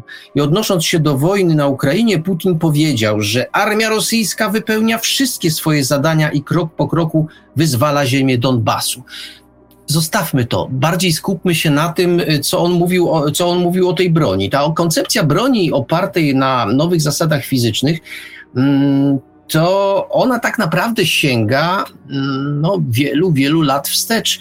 W roku 70 y, termin był używany no, nie wiem czy po raz pierwszy, ale na pewno był wtedy już używany do opisania różnych takich egzotycznych koncepcji wojskowych, między innymi broni psychofizycznej, czymkolwiek ona jest, a nawet, i to brzmi naprawdę mm, bardzo intrygująco, broni genetycznej.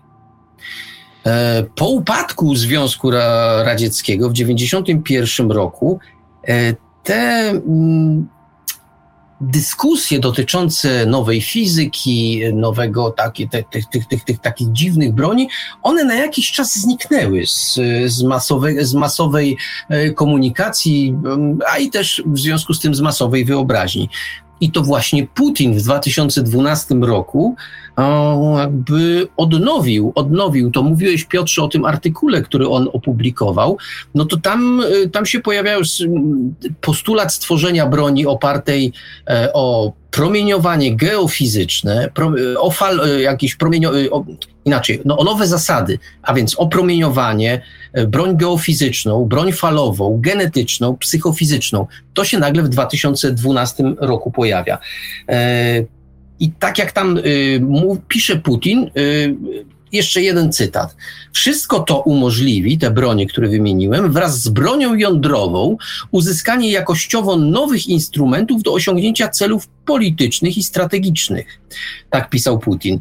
E, takie systemy uzbrojenia będą porównywalne pod względem wyników do broni jądrowej, ale bardziej akceptowalne politycznie i militarne. A więc y, tak naprawdę y, mowa jest o tym, że stworzymy broń bardziej akceptowalną. Jeżeli w ogóle ma to jakiś sens, to broń bardziej humanitarną, taką, która no, nie będzie tak wykańczała jak broń jądrowa, tylko może tylko troszeczkę będzie wykańczała. No to w tym wypadku to trochę, trochę, taki, para, trochę taki paradoks. Tych materiałów, y, ja przeglądając internet, y, mam tu przed sobą kilkanaście stron z cytatami z różnego rodzaju, e, z różnego rodzaju oficjeli rosyjskich. Mm, straszę Państwa, oczywiście nie będę cytował ich wszystkich. Chodzi mi bardziej o to, że mm, natrafiłem na wypowiedzi, tak jak wspomniałem, oficjeli, a zatem nie wiem, czy to wszystko jest prawda z tą nową fizyką, y, odwoływaniem się do broni genetycznej, falowej i tak Ale jedno jest pewne, że to jest taka obowiązująca doktryna komunikacyjna, która jest w Rosji, odwoływanie się do tego, że my jesteśmy lepsi, mamy lepszą broń. W dodatku jeszcze zauważcie Państwo, to trafia na podatny grunt, bo broń hipersoniczna jeśli chodzi o tę broń, taką wydawałoby się, no, niby zaawansowaną, ale jednak taka wydaje nam się prawie normalna, to zwróćcie Państwo uwagę, że na skutek, i tego nie wiem, na skutek czego, ale powiedzmy na skutek zaniedbań po stronie amerykańskiej, Amerykanie przynajmniej na jakiś czas zostali w tyle Zostali w tyle, jeśli chodzi o rozwijanie systemów hipersonicznych, przynajmniej oficjalnie. Jak jest naprawdę, tego nie dojdziemy, ale oficjalnie przynajmniej zostali w tyle, jeśli chodzi o, o rozwój tej broni. Ja przypomnę Państwu te wszystkie koncepcje z wywołaniem radioaktywnego tsunami, czyli takim zalaniem chociażby Wysp Brytyjskich za pomocą odpalenia broni y, wodorowej. To jeszcze koncepcja sacharowa jest tak naprawdę, y, sięgająca zatem kilkadziesiąt lat wstecz. A dzisiaj mówi się o tym, że Rosja dysponuje odpowiednimi nośnikami, odpowiednimi, o, nazwijmy to, dronami podwodnymi, które tego rodzaju zlecenie mogłyby, mogłyby wykonać.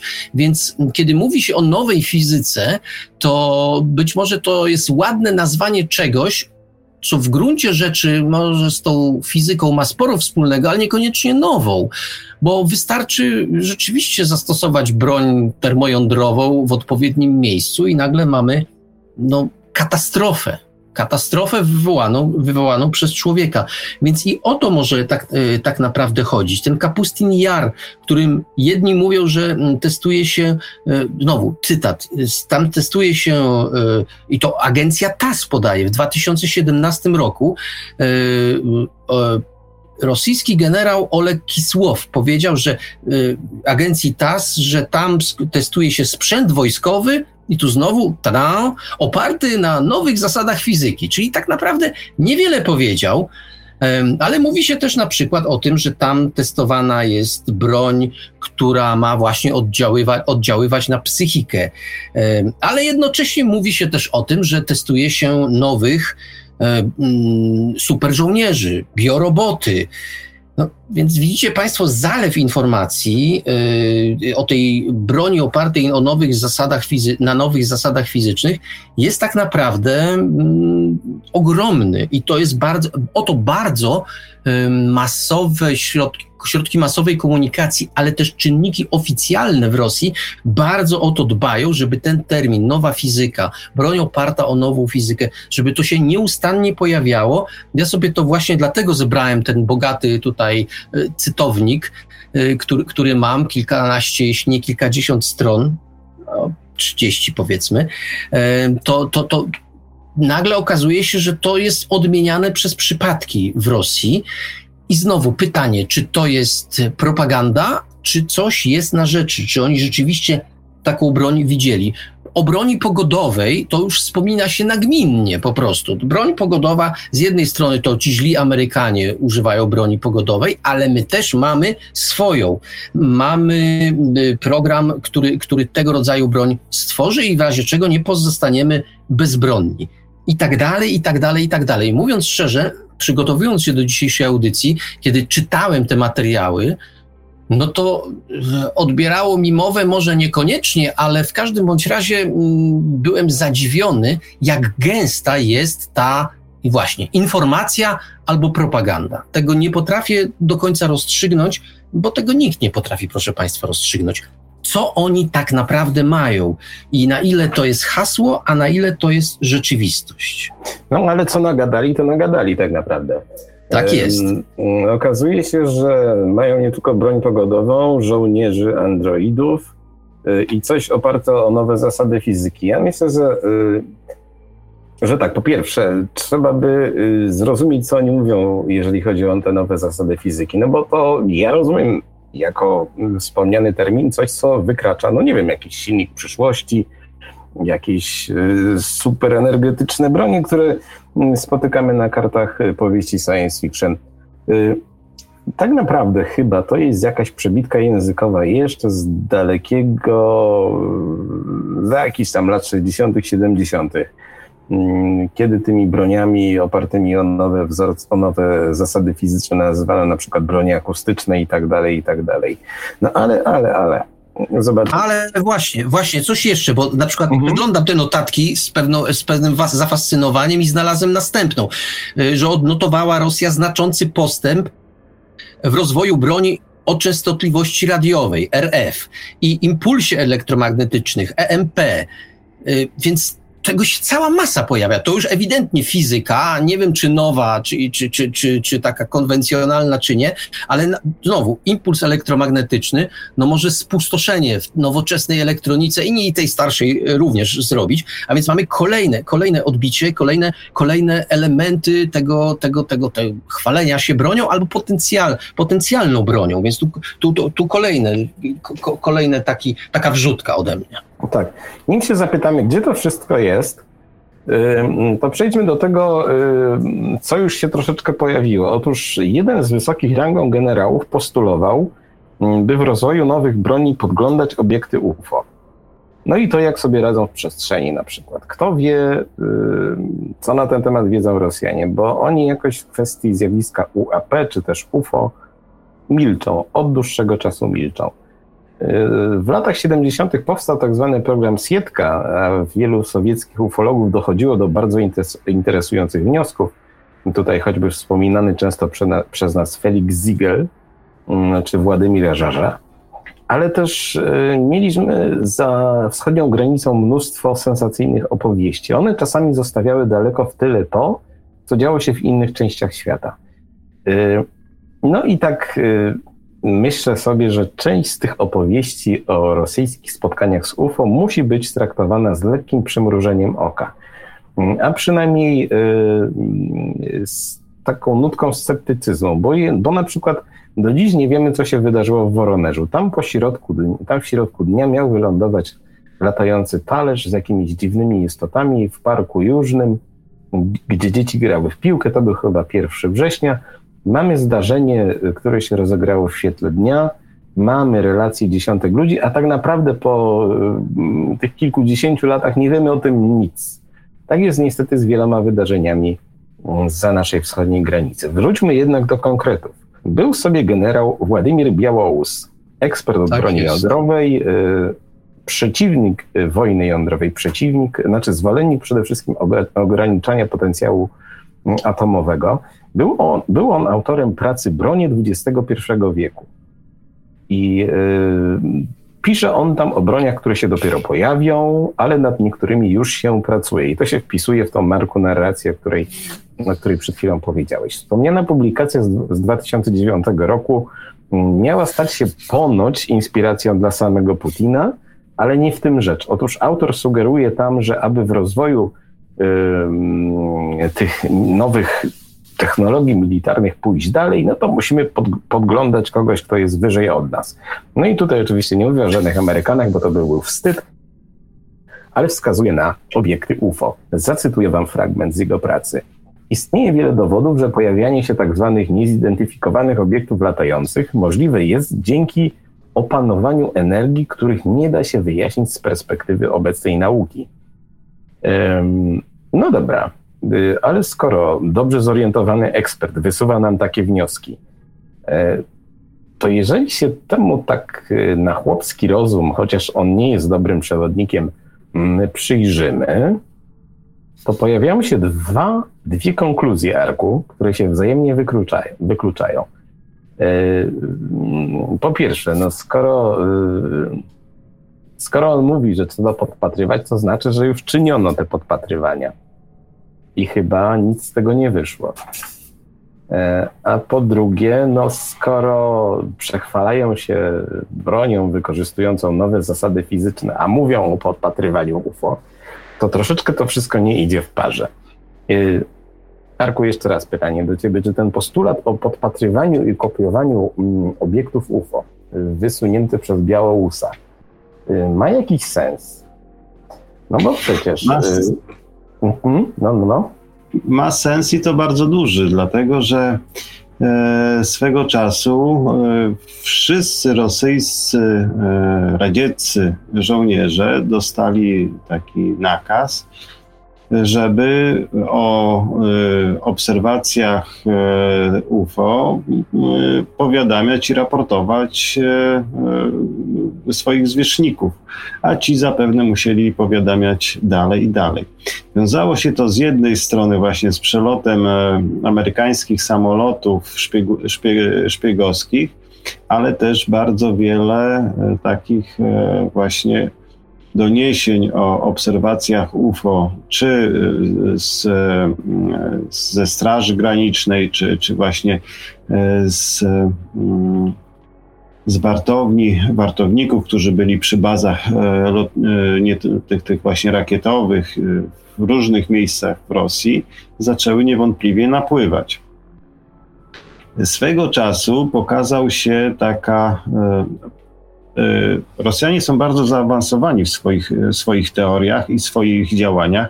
Jeżeli mm, weźmiemy pod uwagę najnowocześniejszy samolot amerykański F-35, to konstrukcję wydechu jego, właśnie te, te możliwości kierowania samym wydechem, powstały w, w Rosji, w, w zakładach MIGA. Wtedy przez pewien czas zakłady MIGA e, borykały się z niedoborami finansowymi i wzięły i zaczęły współpracować z Benningiem bodajże.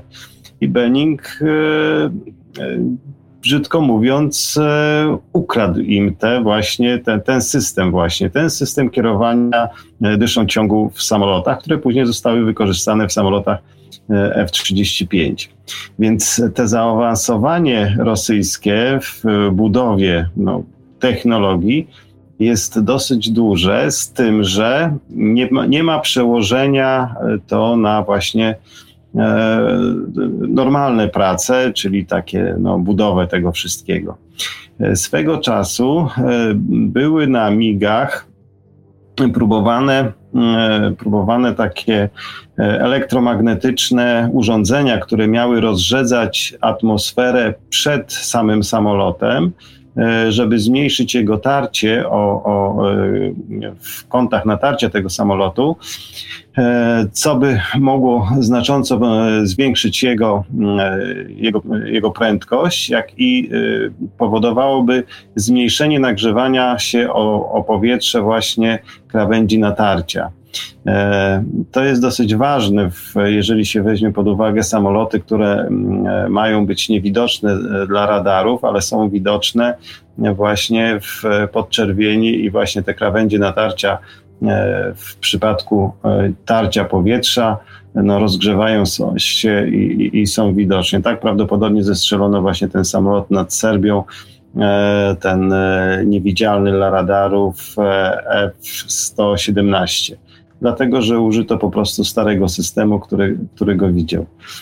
E, nigdy więcej później nie wysyłano tych samolotów e, w strefę walk. E, także mm, Rosjanie, no, tak jak to było wcześniej powiedziane, testują wszystko do bólu, doprowadzają to e, naprawdę do, do e, użyteczności, no a później z niewiadomych przyczyn e, zapominają o tym i, i to jest właśnie e, chyba to, o czym mówił, starał się mówić ten, ten generał.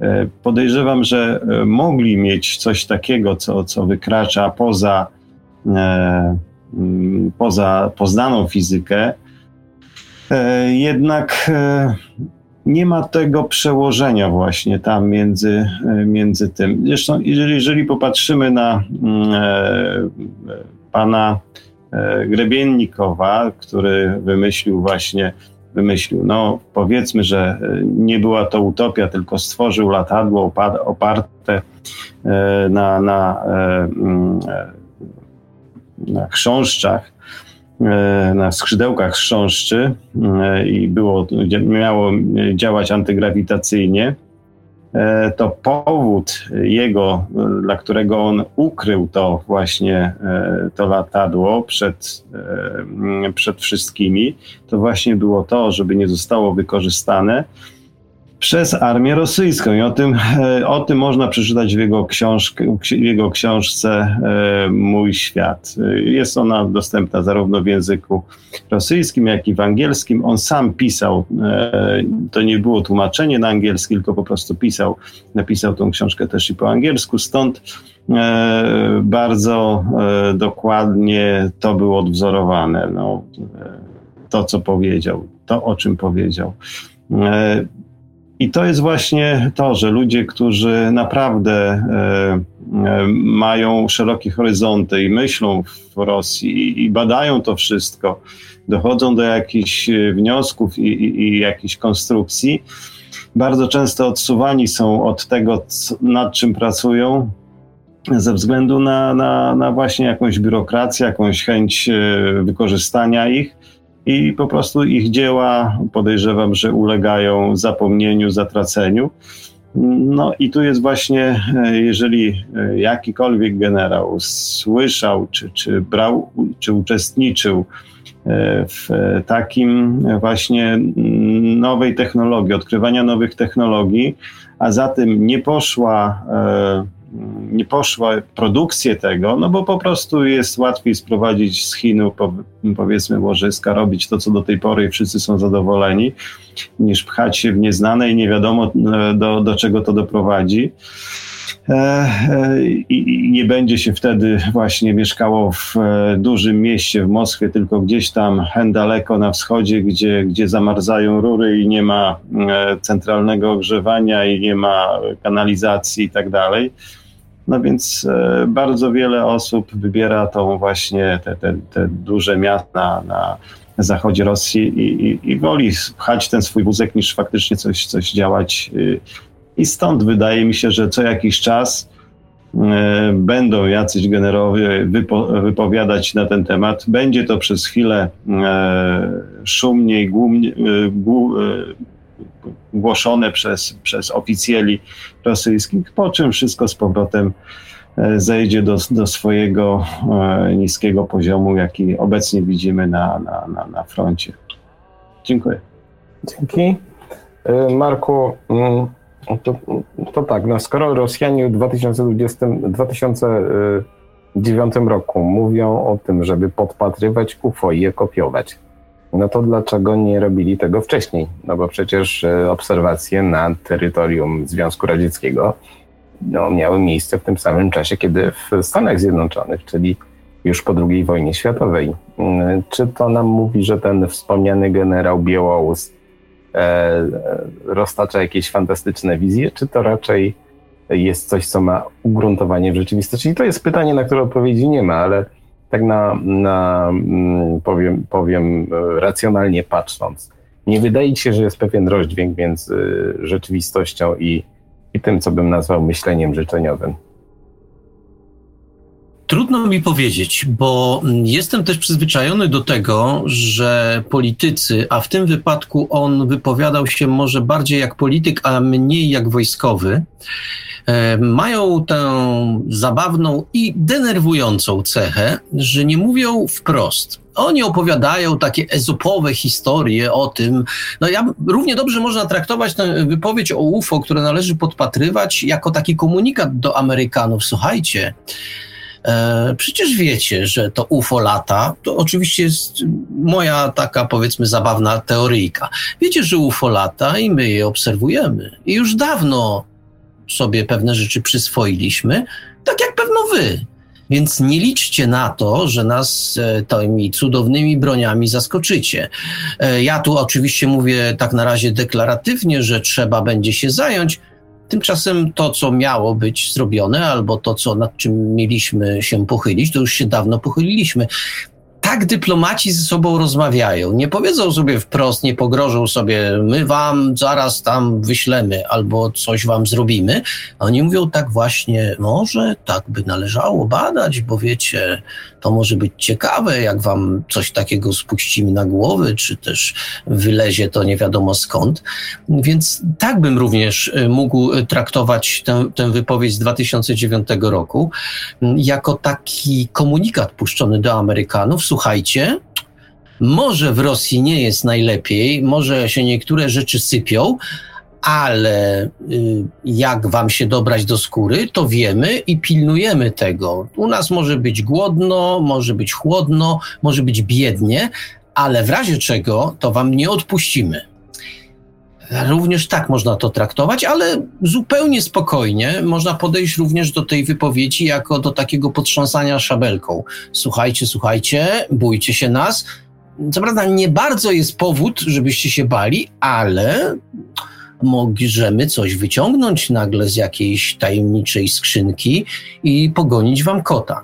Która z tych y, koncepcji jest prawdziwa, naprawdę nie odważyłbym się powiedzieć, bo tak jak możemy się o, z różnych przejawów tam propagandy rosyjskiej albo różnych rzeczy śmiać, albo, albo, albo bać, to zależy jak, jak jesteśmy nastawieni, to warto pamiętać, że mm, w toku historii y, kilka razy Rosjanie potrafili zaskoczyć, może niekoniecznie technologią czy techniką, ale chociażby przykład y, podawany przez Arka jest taką dobrą ilustracją tego, że to nasze przekonanie o wyższości, o tym, że u nas wszystko lepiej, a u nich wszystko nie gniotca, nie łamiotca i to jest spojrzenie, które, no, kto wie nawet, czy nie jest pielęgnowane. Może nawet o to chodzi, żebyśmy my tutaj gdzieś e, w tej bardziej zachodniej Europie sądzili, że tam jedna dzicz i głupota, a tymczasem oni dosyć konsekwentnie pewne rzeczy rozwią- ro- rozwijają, rozwiązują pewne problemy. Ja niekoniecznie twierdzę, że rozwiąza- rozwiązują problemy ym, napędu UFO czy jakiejś tam jakiejś fizyki made in UFO, ale y, myślę, że takie podejście, znaczy bardzo często to Piotr Plebaniak powtarza w audycji y, znanej również z anteny y, Paranormalium, Telegram z krańca świata. Zresztą on bardzo często mówi, że o tej, odwołuje się do chińskiej sztuki wojny, której się mówi o tym, że przeciwnika, potencjalnego przeciwnika jeszcze przed wojną trzeba przekonać, że jesteśmy słabi, że nic nie możemy, żeby on nabrał tego przekonania.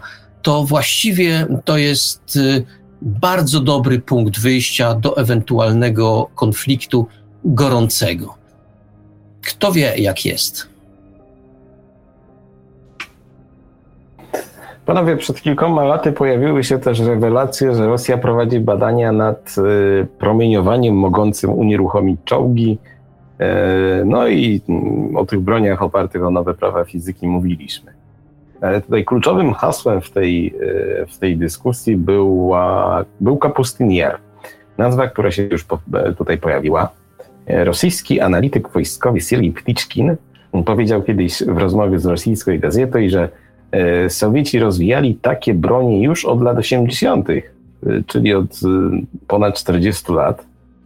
Zaawansowana technika oparta o nowe prawa fizyki ma się tam rozwijać.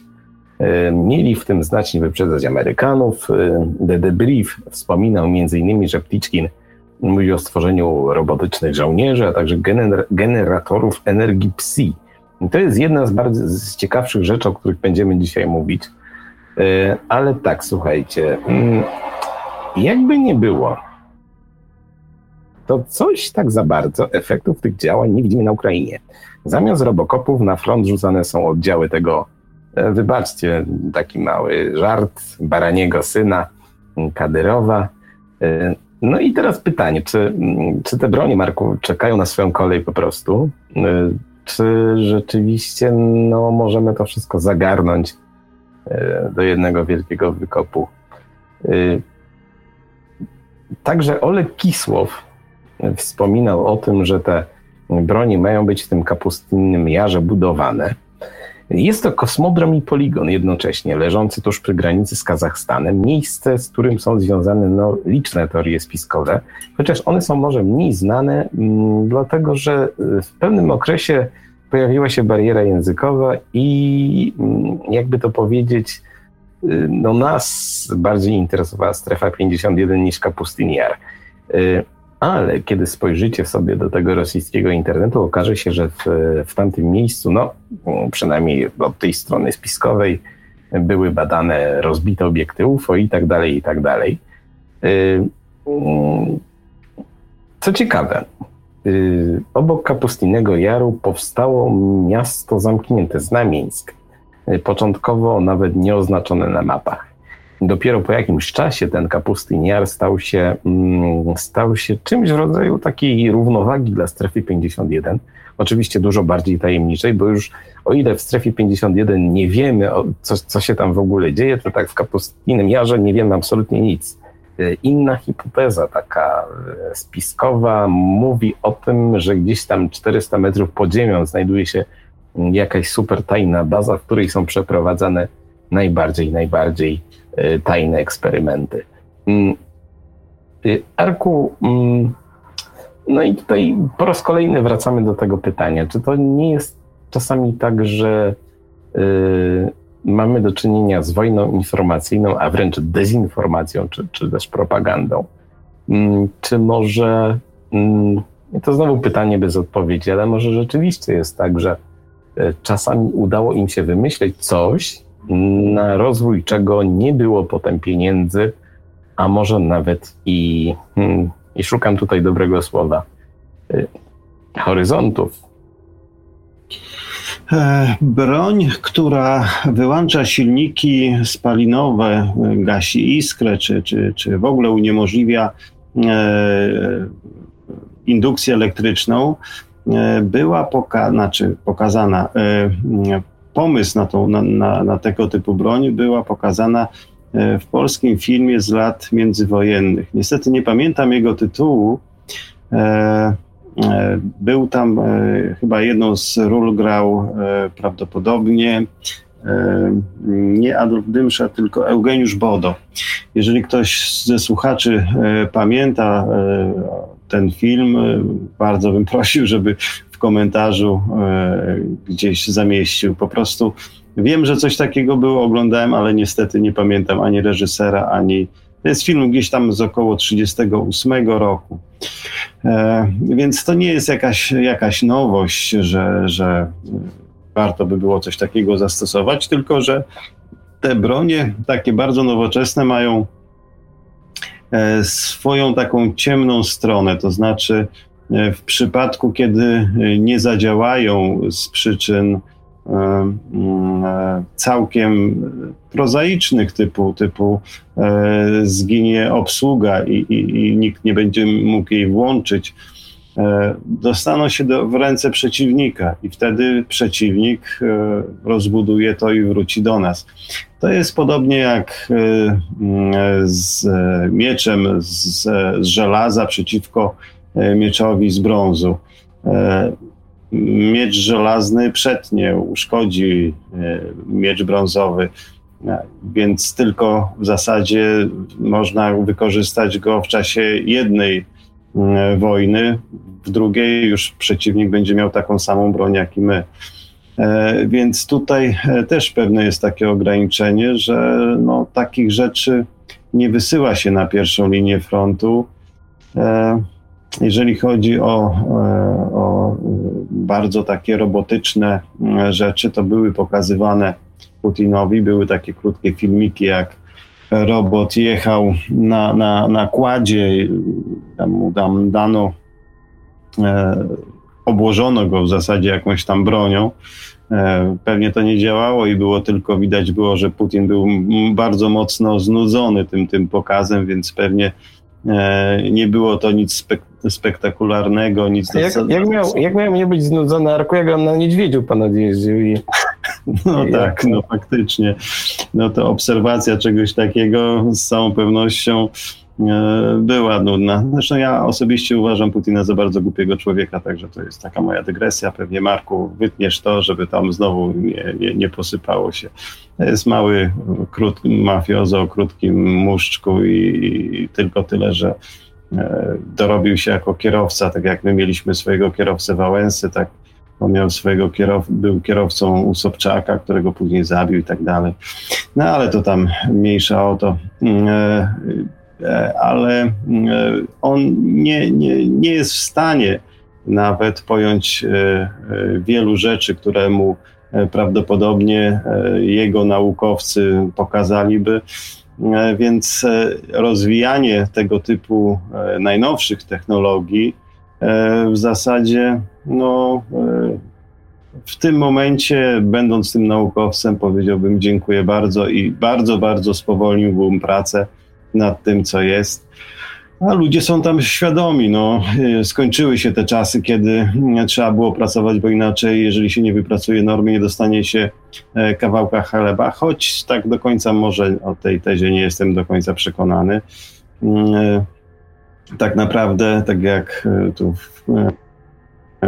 wspominaliśmy wielokrotnie, nie wiemy, co się dzieje za, za betonowymi ogrodzeniami miast zamkniętych w Rosji one żyją swoim życiem, mają swoje własne finansowanie, e, a ludzie, żeby zarówno, żeby wjechać tam potrzebują przepustek, jak i wyjechać.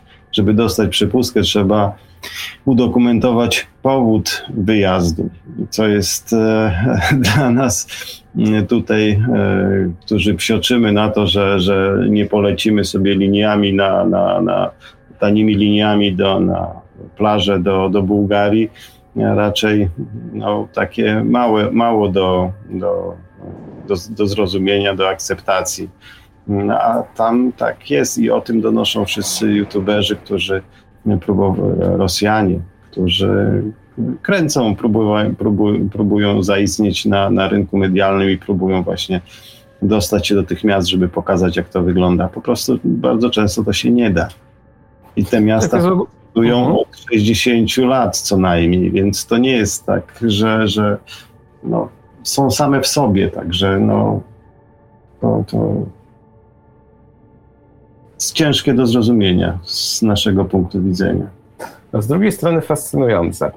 E, tutaj cały czas pojawiają się różnego rodzaju komentarze na, na czacie. Ja chciałem powiedzieć, że my dzisiaj nie dyskutujemy o polityce. My zdajemy sobie sprawę, że nic nie jest czarno-białe, ale też jesteśmy w sytuacji takiej, jakiej jesteśmy. E, co tutaj jeszcze? Pan Paweł Z, bardzo ciekawy komentarz napisał że chodzi o to, żeby w tej wojnie zginęło jak najwięcej Rosjan. Ja, mów, ja jak mówię, nie chcę tutaj się angażować polity, politycznie, ale jeżeli y, na to popatrzycie, to rzeczywiście coś w tym jest dziwnego. Dlatego, że im bardziej, y, moim zdaniem, y, Rosja się będzie angażowała w ten konflikt, im więcej ludzi zginie, tym Chiny będą bardziej siedziały cicho. A dlaczego? Dlatego, że za 10-20 lat pod tym samym pretekstem przyjdzie chińska partia komunistyczna po Syberię, pod jakim pretekstem przyszedł Putin po wschodnią Ukrainę. Będą chcieli chronić rzekomo ludzi swojego pochodzenia. Ale to już zostawiamy zupełnie Marku. A jeszcze jedną rzecz chciałbym Aha. powiedzieć, zanim czekaj, zadasz pytanie. Zadam ci pytanie i już, Dobra. już, już ten. Y, bo mm, mówiliśmy tutaj o tym kapustinym jarze, Y, on się tam pojawia nawet w opowiadaniu Artura C. Clarka, także w jednej z, z gier serii UFO. Y, no i y, to tak troszeczkę przenikło do tej popkultury, ale też nie bardzo. Wszyscy mówią o tej strefie 51. I zobacz, tam w, w, w Ameryce mamy, w zasadzie mamy teorię spiskową, że tam coś robią, no i tam się wszystko odbywa, odbywa jakoś, jakoś niby na ludzkich oczach, a niby obywatele nic nie wiedzą. W, w Rosji mamy to samo, ale tam już to wszystko jest źle, to wszystko musi w jakimś złym kierunku. Ja nie ciągnę do żadnej ze stron. Chodzi mi tylko o to, że musimy zachować taką homeostazę między, yy, między tą wojną informacyjną, która się nam tutaj toczy. Yy, ale powracając do pytania, bo tutaj mówimy o tych broniach przyszłości, mówimy o tych cudownych yy, rzeczach skopiowanych z UFO, latających talerzach w kapustinym jarze. Ale pytanie, no skoro oni to wszystko mają, skoro to wszystko mają, to, mm, to gdzie to jest? No to właśnie na ten temat miałem ochotę powiedzieć, bo mm, odpowiedź na pytanie dał Arek, kiedy mówił o tym mieczu z brązu i mieczu żelaznym. Y, tak naprawdę, mm, jeśli, pra, jeśli jest ta dziwna wojna, która się toczy, ona. Państwo sami sobie odpowiedzą, dlaczego ona jest dziwna. Mnie się ona naprawdę wydaje dziwna. Poza tym, że znaczy, oczywiście jest tragiczna, ale mm, to źle rokuje, mówiąc szczerze, bo ja to widzę w ten sposób. Jeśli założymy, że Rosjanie mają naprawdę jakiś taki mm, niesamowity arsenał, E, oparty o nową fizykę, no o to, o czym, o, o, o to wszystko, o czym mówiliśmy wcześniej, to dlaczego to źle rokuje? Dlatego, że oni prawdopodobnie nie traktują tej wojny jako takiej wojny, tu cudzysłów, ostatecznej. Wojny, w którą trzeba rzucać te, to, co się ma na, najcenniejsze.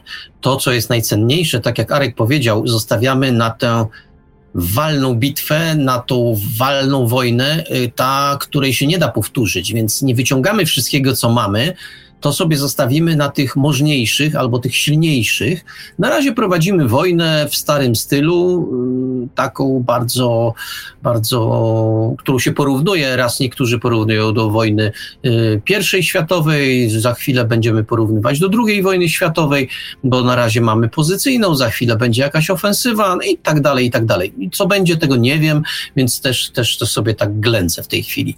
Natomiast y, o tym złym rokowaniu to pragnę go podkreślić, że y, jeśli jest tak, że oni tę broń naprawdę mają i traktować te przechwałki, y, te, te wszystkie zapowiedzi poważnie, to znaczy, że oni przewidują, że w pewnym momencie ten konflikt no, przejdzie do kolejnej fazy. E, być może to będzie ta faza, w której ujawnia się, e, zaczyna się ujawniać te niesamowite bronie.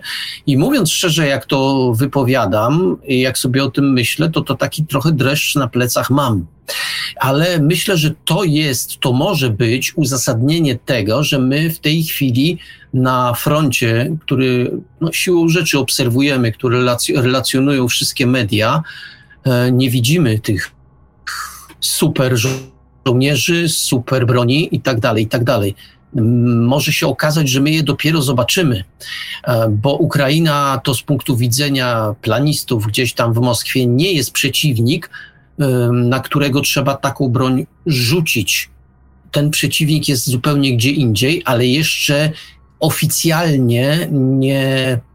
To wszystko jest zakulisowe, jeszcze oficjalnie do wojny nie przystąpił. On na razie e, walczy, walczy cudzymi rękami, e, troszkę pociąga za sznurki i troszkę wykorzystuje e, tę część Europy jak marionetki taka koncepcja. Nie twierdzę, że ona jest, ale można taką koncepcję przynajmniej jako, jako taką, jako teorię roboczą przyjąć, że tak właśnie jest i wtedy ten obraz jest zupełnie inny. Mamy nagle obraz, w którym no, możemy usiąść i czekać i zobaczyć, co będzie dalej, bo to chyba nie, może nie być koniec przedstawienia. Tak bym widział, e, tak bym to widział i tak bym e, sformułował odpowiedź na pytanie, dlaczego my tej broni póki co nie widzimy tej, o której w tej chwili tak, tak, tak od dwóch godzin opowiadamy. No tak, ale y, my opowiadamy od dwóch godzin, a oni opowiadają od 40 lat. To też jest no, dobre. Tak, ale, no, ale y, Piotrze, gdybyś miał cudowną broń, to byś y, pokazywał ją na proszę się nie obrażać, ale na konflikcie w gruncie rzeczy lokalnym, czy zachowałbyś sobie mm, jednak na ewentualną eskalację? No Bo tak, gdybym, ale... Gdybym wiesz, ja oni... był, mhm. to, bym, to bym zdecydowanie postąpił tak, jak radzi ten Sun Tzu w sztuce wojny. Czyli udawał słabego, a jak ktoś się da zwieść, no to będzie miał problem.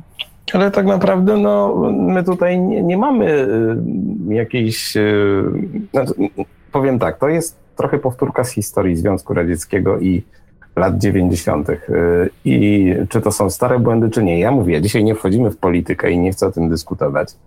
Okej, okay, ale coś, bo... coś powiem, coś uh-huh. powiem.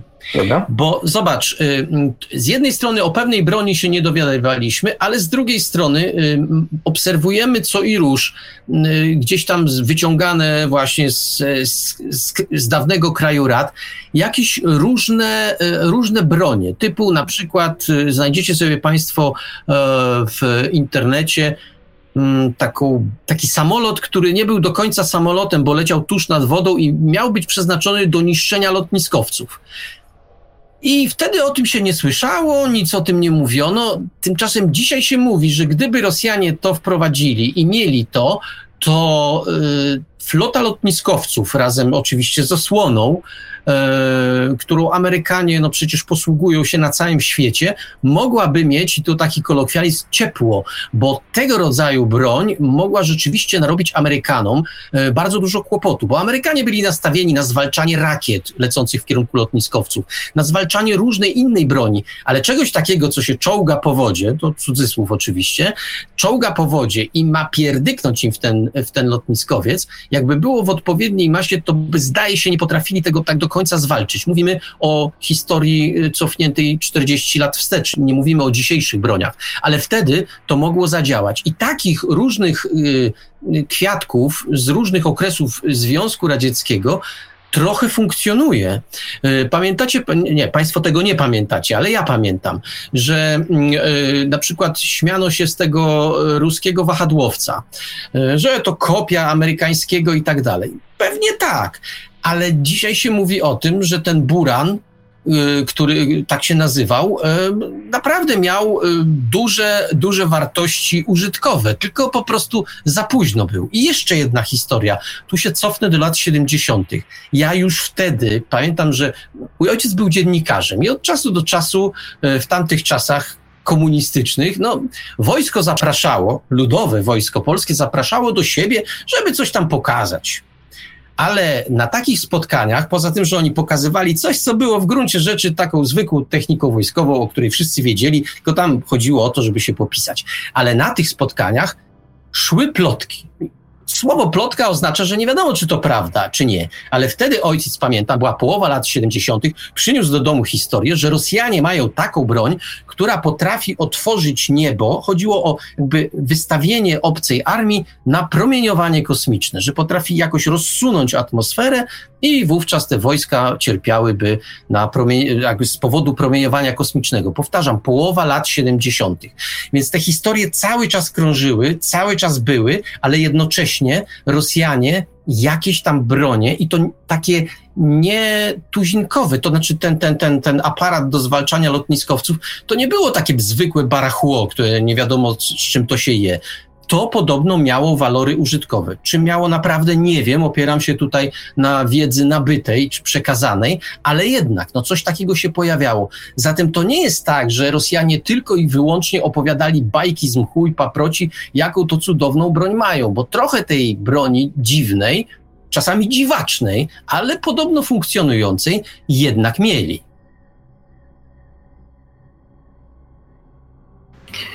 Chciałbym jeszcze wspomnieć o czymś innym, o właśnie psychotronice w Rosji. Mieli swego czasu taki fenomen, e, nazywała się ta pani Nina Kaługina.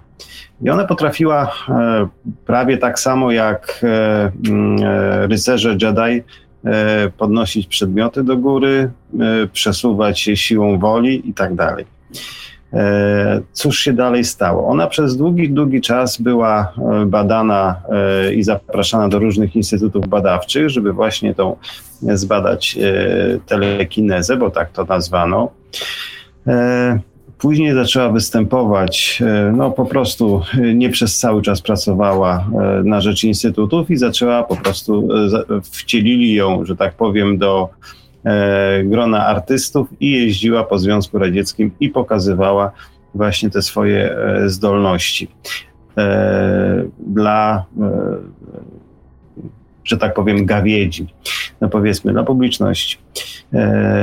I teraz, czy myślicie panowie, że przez tyle lat, tyle badań, które ona przeszła i to przez, przy instytutach zarówno naukowych, cywilnych, jak i wojskowych, E, że oni, e, czyli Rosjanie, nie próbowali tego z, e, w jakiś sposób nauczyć inne osoby, czy, czy zgłębić istotę właśnie telekinezy. O tym się bardzo prosto mówi. O tak sobie po prostu telekinezja, ale telekineza nie podlega żadnym prawom fizyki, jakie, jakie znamy. To nie jest ani przyciąganie cząsteczkowe, ani e, przyciąganie czy odpychanie elektrostatyczne, to, się, to jest zupełnie coś innego.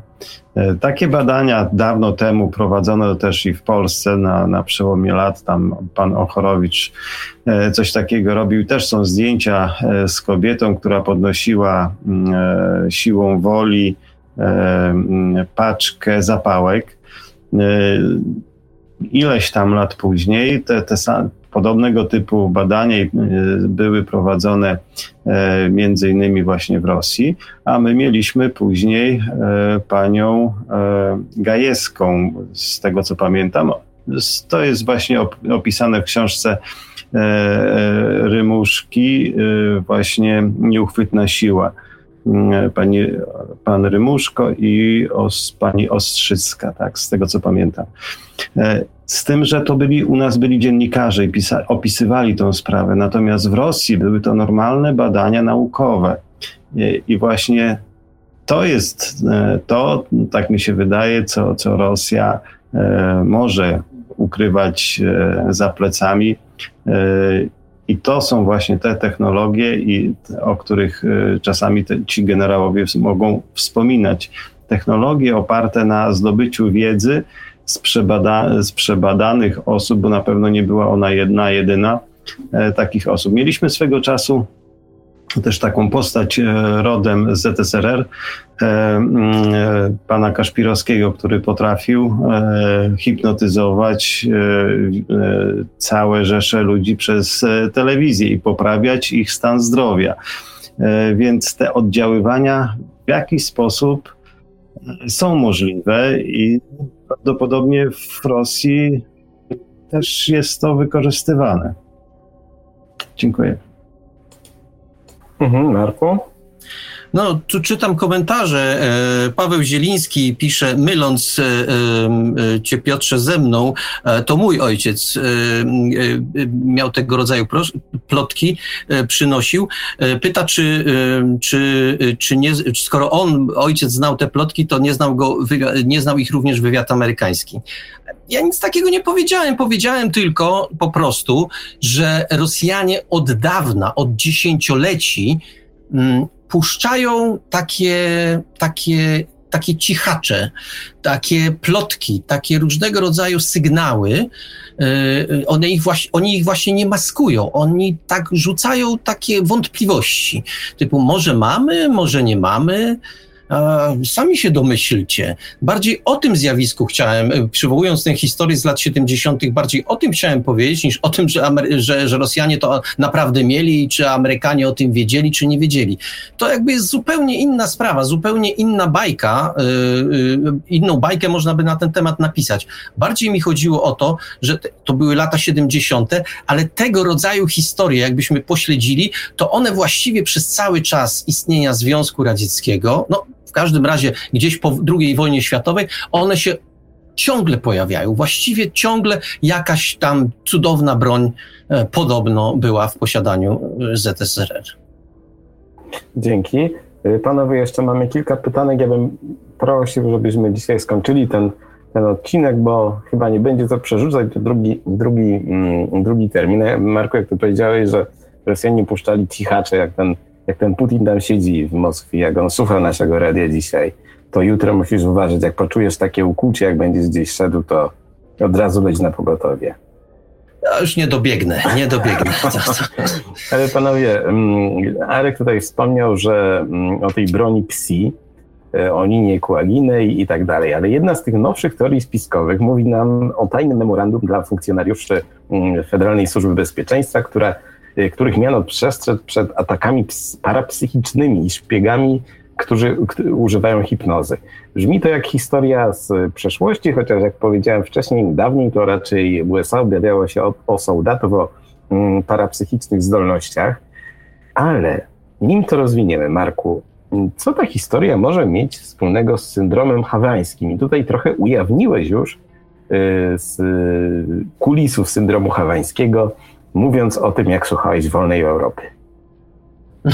No właśnie, bo, bo ten syndrom, y, syndrom hawański, y, jego nazwa wzięła się y, stąd, tym terminem określa się taki Często jest to zagadkowy zespół chorobowy i e, to zgłosili go jako pierwsi Amerykanie w 2016 roku. No, ten konkretny, ale tak jak mówiłem o tym e, poddawaniu, e, promieniowaniu ambasady rosyjskiej słyszałem w latach 70. Nie rosyjskiej, w Rosji amerykańskiej.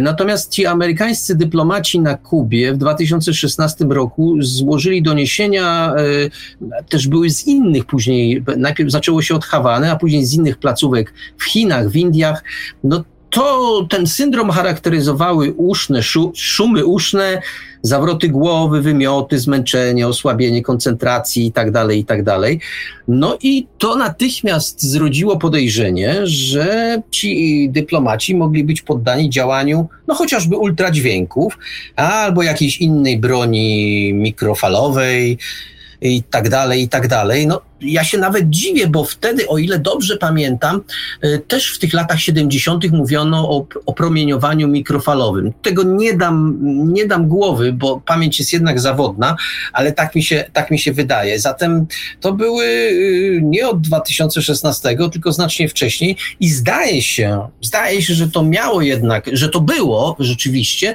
ale był to efekt uboczny, y, podsłuchu, po prostu podsłuchu. To jest rodzaj podsłuchu szyba, kiedy ja w tej chwili siedzę w pokoju i mówię, wydawać by się mogło, no co ma do tego szyba. Podobno te szyba w, w mi, takim mikrodrgania jest sprawiana i gdyby ktoś tam sobie postawił czy to laser, czy jakieś inne promieniowanie. No, różne były koncepcje na ten temat i z tych drgań, z tych drgań szyby mógłby, mógłby usłyszeć, e, o czym, o czym w tej chwili mówię.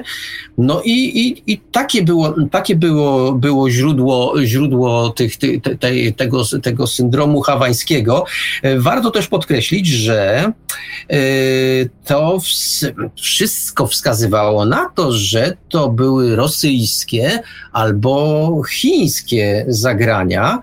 No i tu, tu trudno, trudno to rozstrzygnąć. W każdym razie wspomniany już dzisiaj y, pan Wajno, y, zastępca szefa administracji prezydenckiej, y, taki człowiek z bliskiego otoczenia Putina, chyba mający korzenie estońskie, o ile dobrze pamiętam, no to on nawiązał, to takie małe ko koło, ten facet jest zwolennikiem y, idei Władimira Wiernańskiego, y, o którym mówiliśmy na początku audycji, tego kosmizmu, tych, tych wszystkich, y, tej noosfery. Zobaczcie Państwo, to nagle zaczyna się ze sobą łączyć. Ludzie, którzy wyznają tego rodzaju, nie wiem czy to ideologia, tego rodzaju poglądy, nagle mm, mówią, mówią o czymś takim, mówią, że rzeczywiście mm, Federacja Rosyjska za takie, za tego rodzaju broń jak broń, tego rodzaju działania e, się po prostu, się po prostu bierze. Y, on, ten, ten, y, ten facet, o którym mówię, czyli ten Wajno, on jest również zwolennikiem nowego porządku społecznego. No, pisał ten porządek społeczny, nowy porządek. Jak słyszę nowy porządek społeczny, to zaczynam się niepokoić i to poważnie. Y, I to on opisał w artykule naukowym, ten, że ten nowy porządek społeczny ma być oparty o co? O przywoływany już dzisiaj noskop. E, no więc widzicie Państwo, że, że to się wszystko zaczyna kręcić e, i ten, ten, ten Wajno właśnie tłumaczył, że to być, że, że to e, tak można było, tak można było oddziaływać na, od, można było oddziaływać na ludzi. No to wydaje mi się to taką, czy powrotem. Okazuje się, że pewne idee nie giną, nie zamierają, tylko się przekształcają i to jest dla mnie najlepszy, najlepszy dowód tego, że, że, że, że, tak się właśnie dzieje. Ale jak to jest, że cały czas straszy się y, tym, y, tymi y, psi szpiegami? Otóż wspomniany generał Białołus pisze o szerokim zakresie broni akustycznych i radiowych, które miały być opracowywane w, w moskiewskich instytutach. Znane m.in. był jako raniec E i Roza E. Niestety Białołus, który był przeciwnikiem broni jądrowej, a zwolennikiem wszystkich innych broni, zmarł w roku 2012 w wieku 85 lat nie ujawnił nam więcej ze swojego zaskakującego arsenału wiedzy. Całkiem niedawno mm, z kolei na wspomnianym portalu Foreign Policy pojawił się interesujący artykuł odwołujący się do mm, pewnego publikatora dla rosyjskich dysydentów. I tam ukazało się tajne memorandum dla członków e, Federalnej Służby Bezpieczeństwa, mm, która ochrania notabli, w tym samego Putina. No i czytamy tam, że, uwaga, mają być oni poddawani zmasowanemu atakowi ideologicznemu. I nie chodzi tutaj tylko o antyputinizm, mm, ale też y, coś bardziej niebezpiecznego. Cytuję. Kreml ma przygotowywać się na coś, co nazywa się zainfekowaniem psychologicznym personelu wojskowego przez wrogów, którzy mają dopuszczać się różnych manipulacji poprzez hipnozę, a także nieznanego typu siły o naturze paranormalnej Memorandum przestrzega przed generatorami energii psi oraz hipnotycznymi zdolnościami zagranicznego personelu. No, Arku, brzmi to trochę jak inwazja czarowników, okultystów i satanistów na Federację Rosyjską. Jest to dziwne, jakby nie było. Czy ta teoria znowu nie przypomina nam czegoś z przeszłości? Okazuje się bowiem, że wcześniej to CIA obawiało się, że Rosjanie mogą szkolić, jak powiedziałeś, psychotronicznych żołnierzy, opartych chociażby o to, co, co wypracowała Nina Kułagina. Y, czy to, co napisało Foreign Policy, jest y, wiarygodne, czy Twoim zdaniem mamy do czynienia z, no może z jakimś takim małym przekłamaniem, z kolejnym elementem wojny propagandowej? Bo chyba mm, nie ulega wątpliwości, że wraz z akcją rosyjskich służb, które mówią o tych wszystkich zaawansowanych broniach, idzie reakcja w postaci no, propagandy zachodniej. No ale czy Rosjanie naprawdę obawialiby się y, czarnoksiężników w szeregach obcego wywiadu? E, myślę, że mogą się obawiać i to nie bezpodstawnie. Jeżeli przytoczymy tutaj amerykańskie programy typu MK Ultra i, i, i, tego typu, zapewne odpowiedniki takie same były w Rosji. Oni się po prostu obawiają to, tego, e, co sami wypracowali u siebie. E, I sądzę, że tak jak u siebie mają skupionych ludzi, którzy potrafią na, naodpływać na ludzi, E, bo mieli takich, było, e, parę osób, które e, wyróżniały się w tym w Rosji. One były oczywiście od razu przechwytywane przez NKWD służby i, i dalej z nimi pracowano. Jeżeli, jeżeli możliwości na to pozwalały, oczywiście, mm, dana osoba przeżyła, więc podejrzewam, że tak, że zdecydowanie tak. E, do tego, jeżeli weźmiemy pod uwagę to, co się dzieje w Rosji, to znaczy taki powrót do e, takich e, naturalnie szamańskich, powiedzmy to, sposobów leczenia i postrzegania świata. Mieliśmy tam niedawno taką śmierć mm, oligarchy z, z tego powodu, że tam, nie wiem, żabę chyba lizał czy coś takiego czy ropuchę, która miała mu pomóc przezwyciężyć e, kaca. E, inny miał się tam kąpać e, w krwi jakiś tam z autaju jakichś lokalnych zwierząt, które miały mu przywracać młodość. Nie wiadomo czemu i jakim się poddaje leczeniom sam Putin. No, Szojgu pochodzi właśnie z rejonu środkowo-syberyjskiego, więc te, tego typu rzeczy mogą się pojawiać i przewijać, a jeżeli popatrzymy na powrót Putina do, do wiary prawosławnej, jego pobyty w cerkwiach, i przyjrzymy się, a właśnie miałem, miałem takie, e, takie no, nie powie, powiedzmy zadanie, ale tak, jestem e, bardzo zainteresowany tym, jak postrzegacie patriarchę Cyryla? Jest on bardzo często przedstawiany w Onecie na zdjęciach i bardzo fajnie by było, gdyby, e, gdybyście e, słuchacze e, po prostu w komentarzu napisali e, Jakie macie odczucie, gdy, gdy patrzycie na tego człowieka? Niewątpliwie ma on e, wielką, wielkie jakieś takie zdolności, no powiedzmy psychiczne, jest uduchowiony. Ale mm, e, no właśnie, jakie, jakie odczucia macie, jeżeli, jeżeli widzicie na jego fotografię? Według mnie on w dużej mierze ochrania, e, jeżeli chodzi o E, cały taki właśnie konglomerat psi e, samego, samego e, Putina.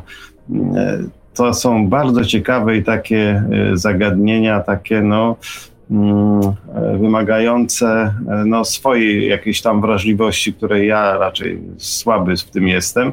To wiesz co, Arku, ja ci, ja ci powiem, że Cyryl bardzo mi przypomina mm, Porfirego Iwanowa, o którym piszemy w lutowym numerze Nieznanego Świata. Był to taki wędrowny mistyk ukraiński. No to oni są fizycznie podobni po prostu. I Porfiry Iwanow e, znany był z tego, że on zmarł w 1983 roku, że nie bał się mrozu. On twierdził, że opanował mm, e, ciało do tego stopnia, że mu tam w ogóle nie przeszkadzały żadne, żadne niskie temperatury. I była taka kategoria ludzi jurodiwych, czyli boskich szaleńców w Imperium Rosyjskim. Zaliczał się do nich Rasputin. Czasami to byli ludzie po prostu mm, z problemami psychicznymi, a czasami to były osoby, tak jak wspomniany mnich, mm, dysponujący jakimiś zdolnościami, y, dzisiaj byśmy powiedzieli niezwykłymi. Y, ja myślę, że cały Kreml jest przysiągnięty tego typu y, ideologią. Może nie ideologią, ale tutaj Marek musi uciekać niestety, bo czytam. A mamy jeszcze tyle do pogadania. Marku, może chociaż jakiś krótki komentarz, bo zostały nam 4 minuty. Komentarz, komentarz, komentarz. Nie rozstrzygniemy w czasie dzisiejszej audycji. Myślę, że ona pełni o tyle pozytywną, pozytywną rolę, że zwraca uwagę na pewne, na pewne no właśnie, zastanawiam się, czy ona bardziej, ta audycja zwraca uwagę na pewne, pewne bronie, tu cudzysłów, bo, bo to chodzi o różne aspekty. W każdym razie o, y, zwraca uwagę ta audycja na to, czym dysponuje Rosja, czy też ta audycja w ogóle zwraca uwagę na to, jak skomplikowany zrobił się świat? To, co powiedziałeś, Piotrze, o, o tym y, uruchomieniu nagle takiego wzmożenia, jeśli chodzi o atak czarnoksięski, czy jakiś taki, e, taki, taki psi atak na, mhm. na, na, na, na ludzi odpowiedzialnych za ochronę, za, za porządek i tak dalej, i tak dalej. E, no, nie rozstrzygniemy, czy, czy to ma miejsce, natomiast bardzo cenną, ciekawą rzecz powiedział Arek, że być może ten strach w Rosji bierze się z własnych doświadczeń. Skoro wiemy, że coś takiego jest możliwe, to dlatego tak uczulamy, y, uczulamy na wszystko. Czy prawdziwe są te bronie, o których mówiliśmy wcześniej, ta nowa fizyka i tak dalej? Tego też nie, rozstrzy- tego też nie rozstrzygniemy, ale zwracamy uwagę, że yy, chociażby to, o czym mówiłem, że, że to się, mo- że to się yy, pojawi, nie pojawiło jeszcze, bo może nie ma, się teraz y, nie ma się teraz pojawić. Tutaj jeden ze słuchaczy napisał o tym, że w czasie, y, ktoś, ktoś tam powiedział, że, że w czasie wojny w Zatoce, jak atakowali Amerykanie Irak, no ktoś powiedział, że zobaczymy w tej wojnie broń, o jakiej jeszcze świat nie słyszał i żadnej broni nie zobaczyliśmy. I znowu zadam to samo pytanie, co w przypadku Ukrainy, ale czy to naprawdę była taka ważna wojna? Nie, ja myślę, że te bronie, zarówno Amerykanie, jak, jak i Rosjanie, te cudowne bronie, zostawiają sobie na mało cudowny, ale za to globalny konflikt, y, kiedy trzeba będzie postawić na swoim, kiedy, kiedy, kiedy się na to zdecydują. Mam nadzieję, że się nie zdecydują, ale gdyby, to zawsze trzeba mieć coś w zanadrzu. I mhm. myślę, że to, to jest dosyć rzecz ważna, na którą powinniśmy zwrócić uwagę. Tak jak pewno już po moim wyłączeniu, pewno będziecie, będziecie jeszcze mówić o broni pogodowej. Tak, właśnie mm. Marku, chciałem ci, ci zwrócić uwagę na to, bo może tak dwa słowa o tym, co sądzisz o tej hipotezie, która się przetoczyła przez różnego rodzaju grupy facebookowe? No tak, ona, no ona się... Mhm. Ona się pojawiła, y, y, mówi się o tym, że najpierw, Amery- najpierw Rosjanie zamrozili Amerykanom no, prawie cały kraj, no to y, Amerykanie w podziękowaniu Rosjanom zamrozili im, zamrozili im Syberię. To tak w bardzo wielkim skrócie. No ja powiem tak, jakbym był, to, to jest dla mnie taka przesłanka, że albo tam jest prowadzona gra na kilku poziomach i dlatego, dlatego jeszcze nie, jakby to nie zadziałało tak jak trzeba. Bo gdybym był e, decydentem w Rosji i miałbym coś zamrozić, e, to zamroziłbym Europę, a nie Stany Zjednoczone. Zamroziłbym Europę, bo tu Europa jest najsłabszym ogniwem. E, gdyby w Polsce spadła temperatura na, na wiele, wiele dni do minus 30 stopni, czy nawet 25, a tak się przecież zdarzało, ja takie zimy pamiętam, to byłoby dziwnie. A gdyby tak temperatura spadła na Ukrainie do takich, do, do, do, do takich wartości albo niższych, to też by ta, ta wojna przebiegała inaczej. Tymczasem nagle okazuje się, że Rosjanie zamrażają Stany Zjednoczone, a te w podzięce zamrażają Syberię to mi się wydaje raczej przesłanka, która świadczyłaby o tym, że z tą bronią pogodową to jakoś tak mi, jakoś im chyba jednym i drugim nie po drodze, albo ona jeszcze jest jeszcze może niedopracowana tak, tak bardzo. W każdym razie, no, y, przypuszczam, że wątpię, jak to mawiają niektórzy, że, że, że to ma miejsce. Tam na pewno jakieś y, prace nad tym trwają i być może wcześniej czy później taka broń y, w pełni sprawna, w pełni funkcjonalna się pojawi. Ale ja myślę, że to jeszcze nie teraz, ale oczywiście muszę to powiedzieć. Albo też to były tylko takie wzajemne ostrzeżenia wysłane sobie przez Rosjan i Amerykanów, y, co wam zrobimy, jakby przyszło co do czego. Na razie to jest tylko taki pokaz siły to wtedy ta, to, co wypowiedziałem wcześniej, no nie miałoby racji bytu. To znaczy, że ta broń funkcjonuje, a oni na razie wysyłają sobie mniej lub bardziej serdeczne pozdrowienia. To tyle, jeśli chodzi o broń pogodową. Dzięki Marku, to dziękuję Ci jeszcze raz za dzisiejszą audycję. No ja też dziękuję. Słyszymy, słyszymy się w piątek e, tak. w bibliotekarium, w audycji poświęconej Stephenowi Kingowi, ale też zachęcamy wszystkich, żeby zajrzeli do y, bibliotekarium z ubiegłego piątku, bo tam żeśmy dwie godziny prawie dyskutowali o tym, skąd się wziął ksenomorf, jeżeli w ogóle... I o jego kuzynach. Tak, I o jego i, kuzynach. Tak, jego kuzyni są najciekawsi chyba.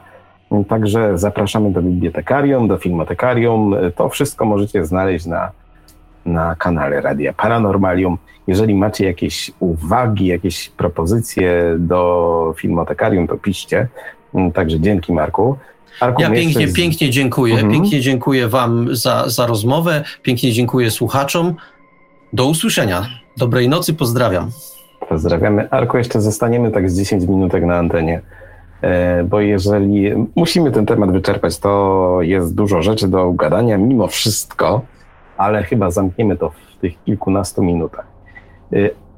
Podkreśliliśmy tutaj y, tych y, magów, tych ludzi, tych boskich szaleńców, ale że Marek musiał szybko uciekać, przeskoczyliśmy na następne pytanie. Następne pytanie mówiło o teorii spiskowej, która jest no, mm, chyba najbardziej poruszająca z tych wszystkich, dlatego że mm, wojny pogodowe, tak, Amerykanie mieli zmrozić Syberię na przełomie roku 2000 22 i 23 w odpowiedzi na zmrożenie Ameryki z kolei przez Rosjan.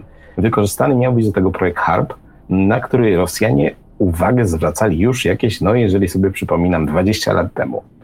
Już w okresie badań nad y, rosyjskim dzięciołem amerykański wojskowy profesor, y, pod, y, podporucznik Thomas Birden twierdził, że sygnały mm, te są tworzone przez coś, co nazwał generatorem Tesla a służą do wojny pogodowej. Czyli Bilden uważał, że to jednak nie jest do prania mózgu, tylko do wojny pogodowej. Mm, z kolei w swojej obszernej pracy wspomniany generał Białołus pisał o y, manipulowaniu pogodą na inne sposoby. W roku 2002, z tego co pamiętam, Duma Państwowa miała wystosować protest przeciwko rozwojowi programu HARP, w obawie przed tym, że on się stanie jakąś bronią tam geofizyczną do generowania fal tsunami i tak dalej, i tak. E, kilka lat później o to samo oskarżyli mm, Amerykanów Chińczycy. Minęło 20 lat Arku i problem wraca, e, tylko w nieco bardzo skomplikowanej formie. Teoria ta nie została sformalizowana, jak mówiłem.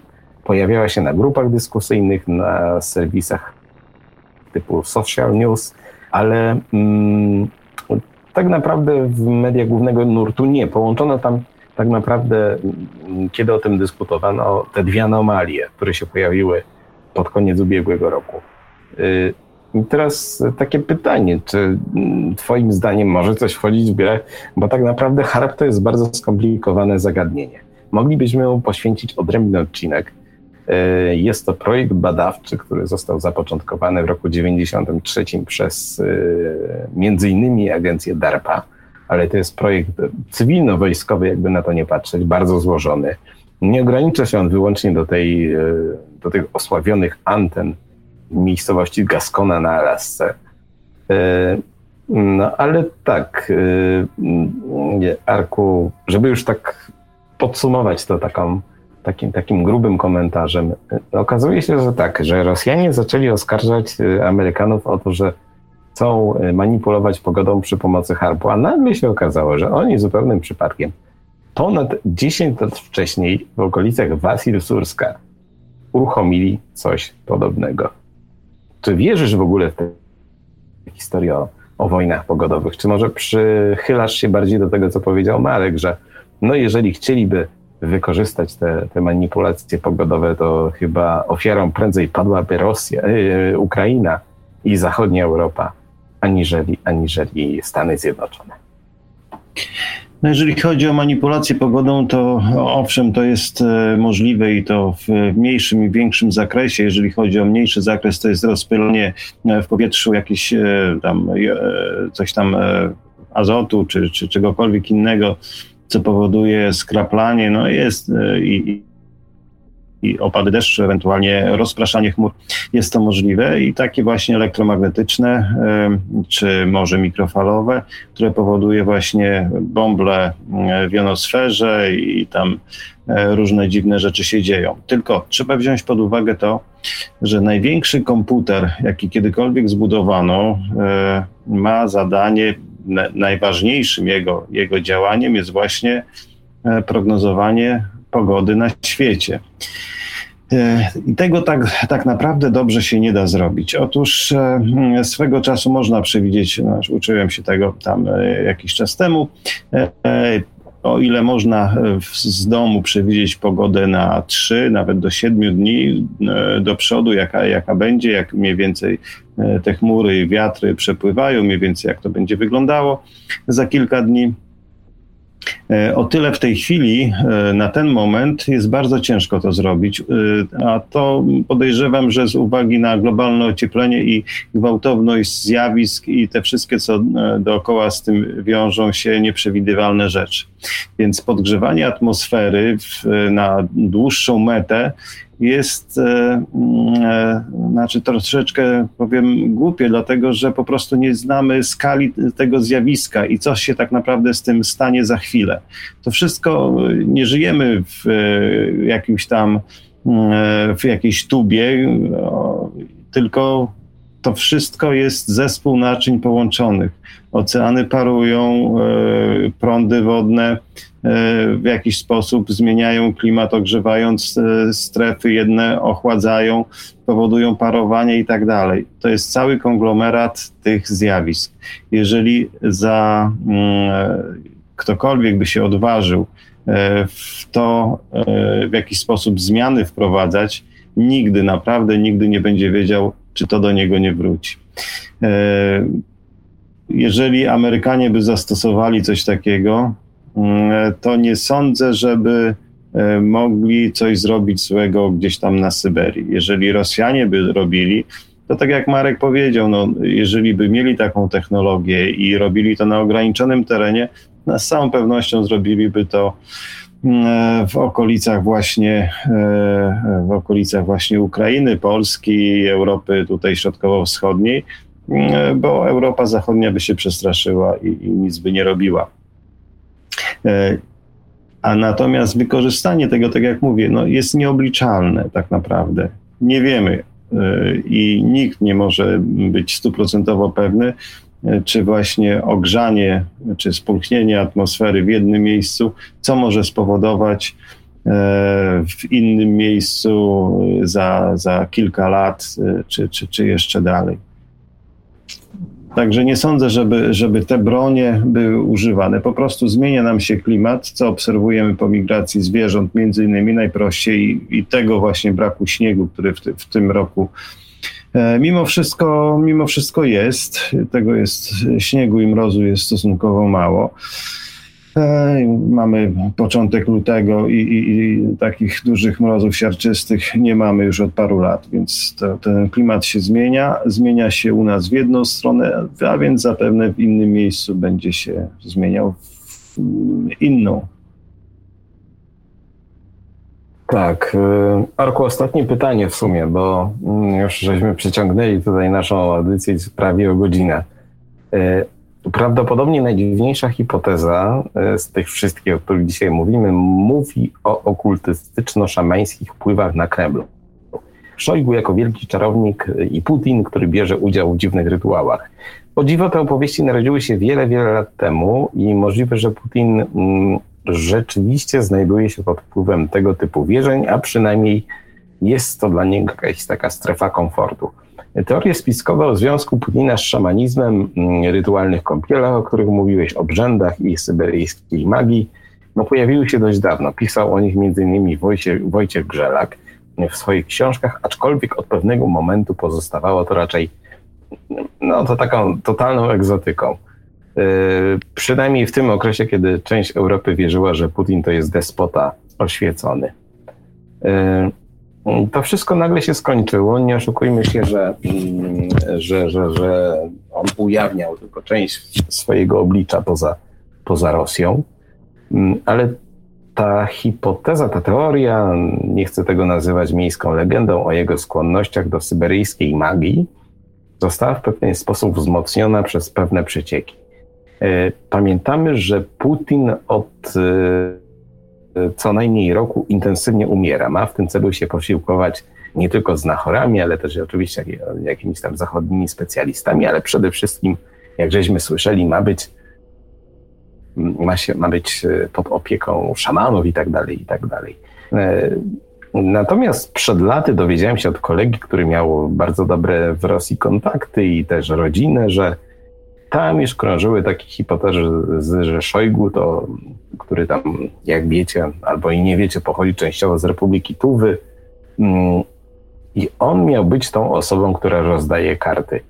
Y, to intensyfikujące się upodabnianie Putina do Azjaty, być może będące wynikiem choroby, a może też operacji plastycznych, zdaniem niektórych wskazuje, że zaczyna on pretendować do miana spadkobiercy cywilizacji Wielkiego Stepu.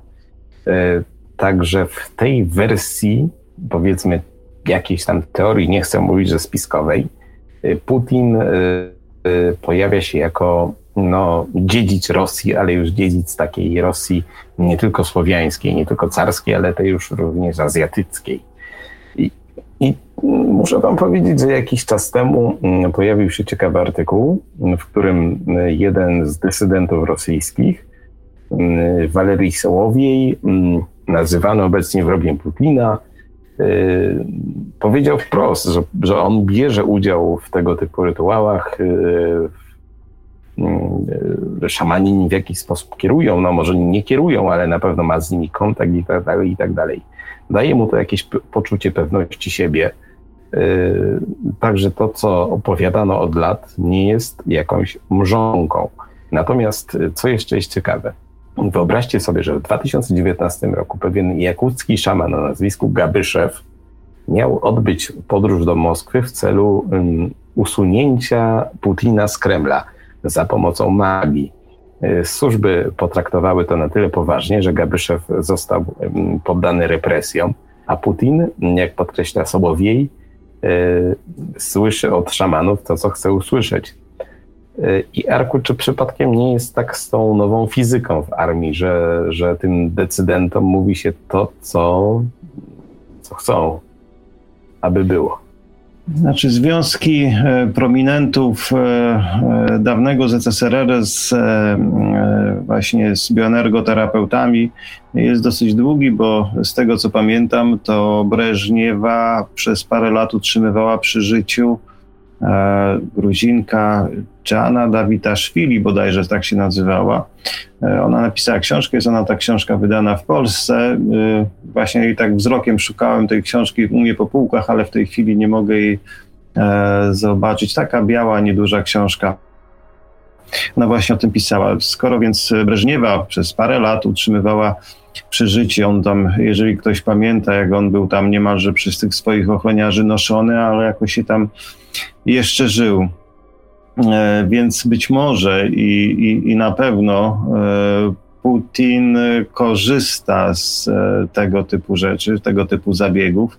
Niewątpliwie jego znikanie takie na jakiś czas, pojawianie się, znaczy pojawianie się, wyjazd na właśnie na Syberię, gdzieś tam do, do Szojgu, czy tam do, do, do innych tam rodziny Fadronów, czy jakichś tam jeszcze innych, może mieć związek z tym, że poddaje się właśnie w, w tamtych okolicach e, naturalnemu leczeniu szamańskiemu, leczeniu no, takiemu wspomagającemu organizm. Nie tylko, nie, nie, nie, nie chodzi o to leczenie jakiegoś tam E, bezpośredniego raka czy, czy, czy coś takiego.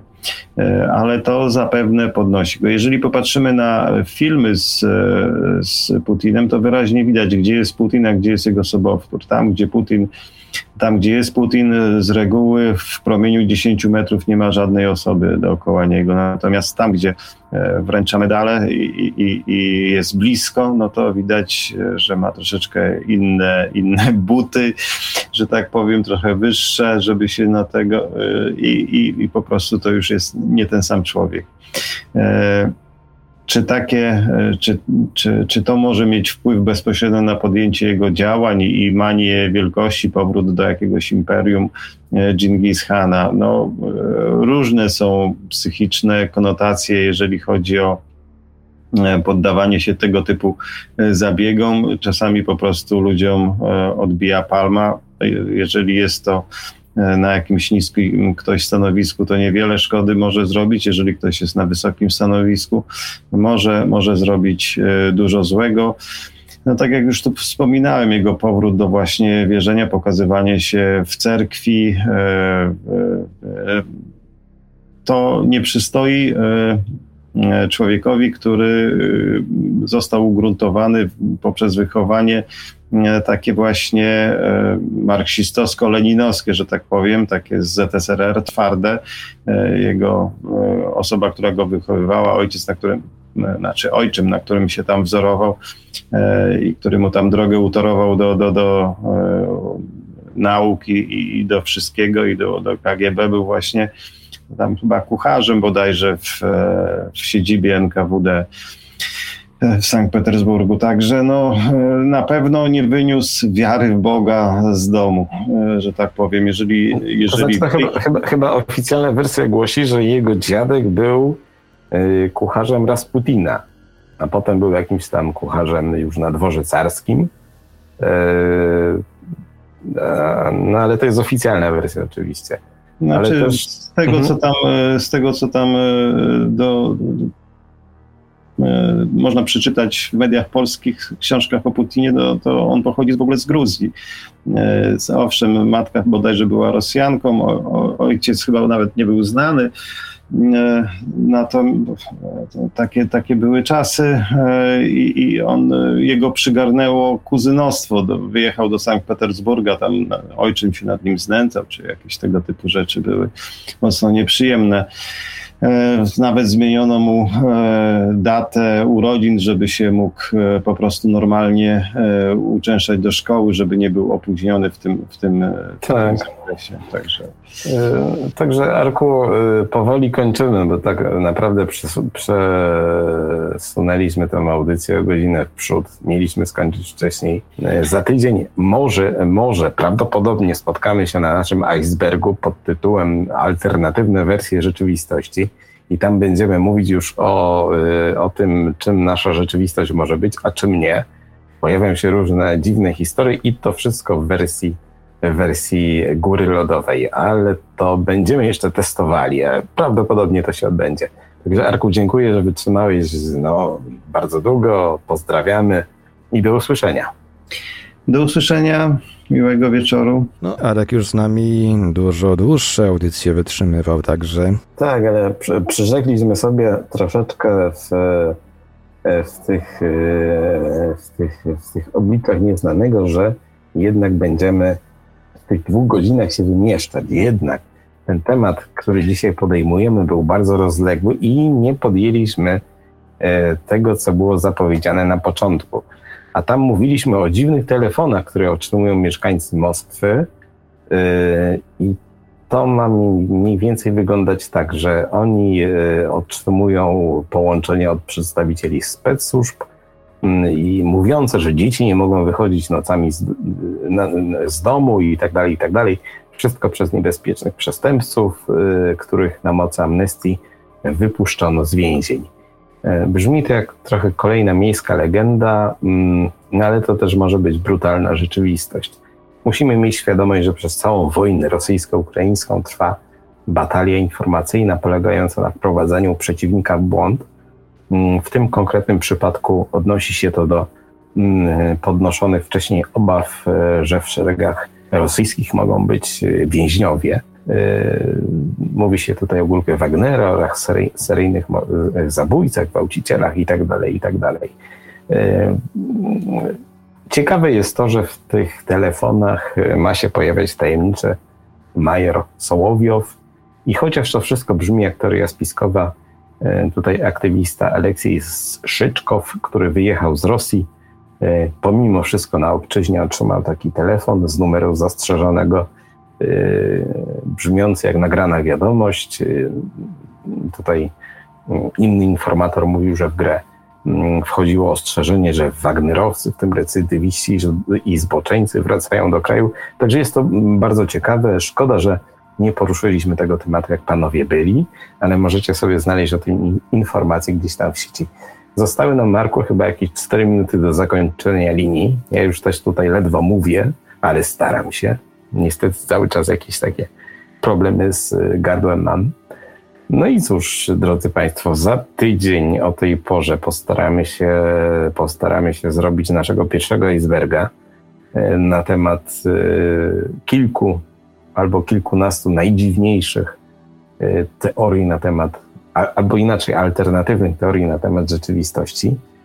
Cały czas możecie przesyłać do nas swoje relacje, swoje, swoje propozycje tematyczne. Nasza audycja się dzisiaj przyciągnęła o godzinę prawie, także Dziękuję wszystkim, że wytrzymali. Dziękuję tym, którzy nas słuchali od początku i tym, którzy nas będą słuchać na YouTubie. Oblicza Nieznanego będą miały chyba jeszcze, jeżeli dobrze pamiętam, cztery odcinki. I czekamy cały czas na Wasze sugestie, na pomysły i tak dalej. I to by chyba było na tyle. Marku i wszyscy, dobranoc. Dobranoc Piotrze, mówił te słowa do Państwa przed chwilą Piotr Cielebiaś z Nieznanego Świata, prowadzący dla Was dzisiejszą dyskusję. Byli z nami także ufolog z warmińsko-mazurskiej grupy ufologicznej Arkadiusz Kocik oraz pisarz science fiction, publicysta współpracujący również z Nieznanym Światem Marek Żalkowski. Audycję jak zawsze od strony technicznie obsługiwał Marek Sękiewelios, Radio Paranormalium, Paranormalny Głos w Twoim domu. Dziękujemy za uwagę, dobranoc i do usłyszenia ponownie, oczywiście już za tydzień o 20 na żywo na antenie Radia Paranormalium. Produkcja i realizacja Radio Paranormalium www.paranormalium.pl Bardziej niż nieprawdopodobne, niemożliwe, niewiarygodne. Radio Paranormalium. Paranormalny głos w Twoim domu. UFO Relacje. Polska baza relacji o obserwacjach UFO. www.uforelacje.pl Podziel się już dziś swoją obserwacją. Czekamy na relacje współczesne oraz z lat ubiegłych. Wszystkim świadkom zapewniamy pełną anonimowość. UFO Relacje. Polska baza relacji o obserwacjach UFO www.uforelacje.pl Pisz artykuły, rozmawiaj z czytelnikami, moderuj komentarze i poczuj się jak redaktor. Załóż bloga na Paranormalium. Więcej dowiesz się w dziale blogi na www.paranormalium.pl. Rozmawiaj z prezenterami oraz z innymi słuchaczami na żywo. Wejdź na naszego czata na www.paranormalium.pl.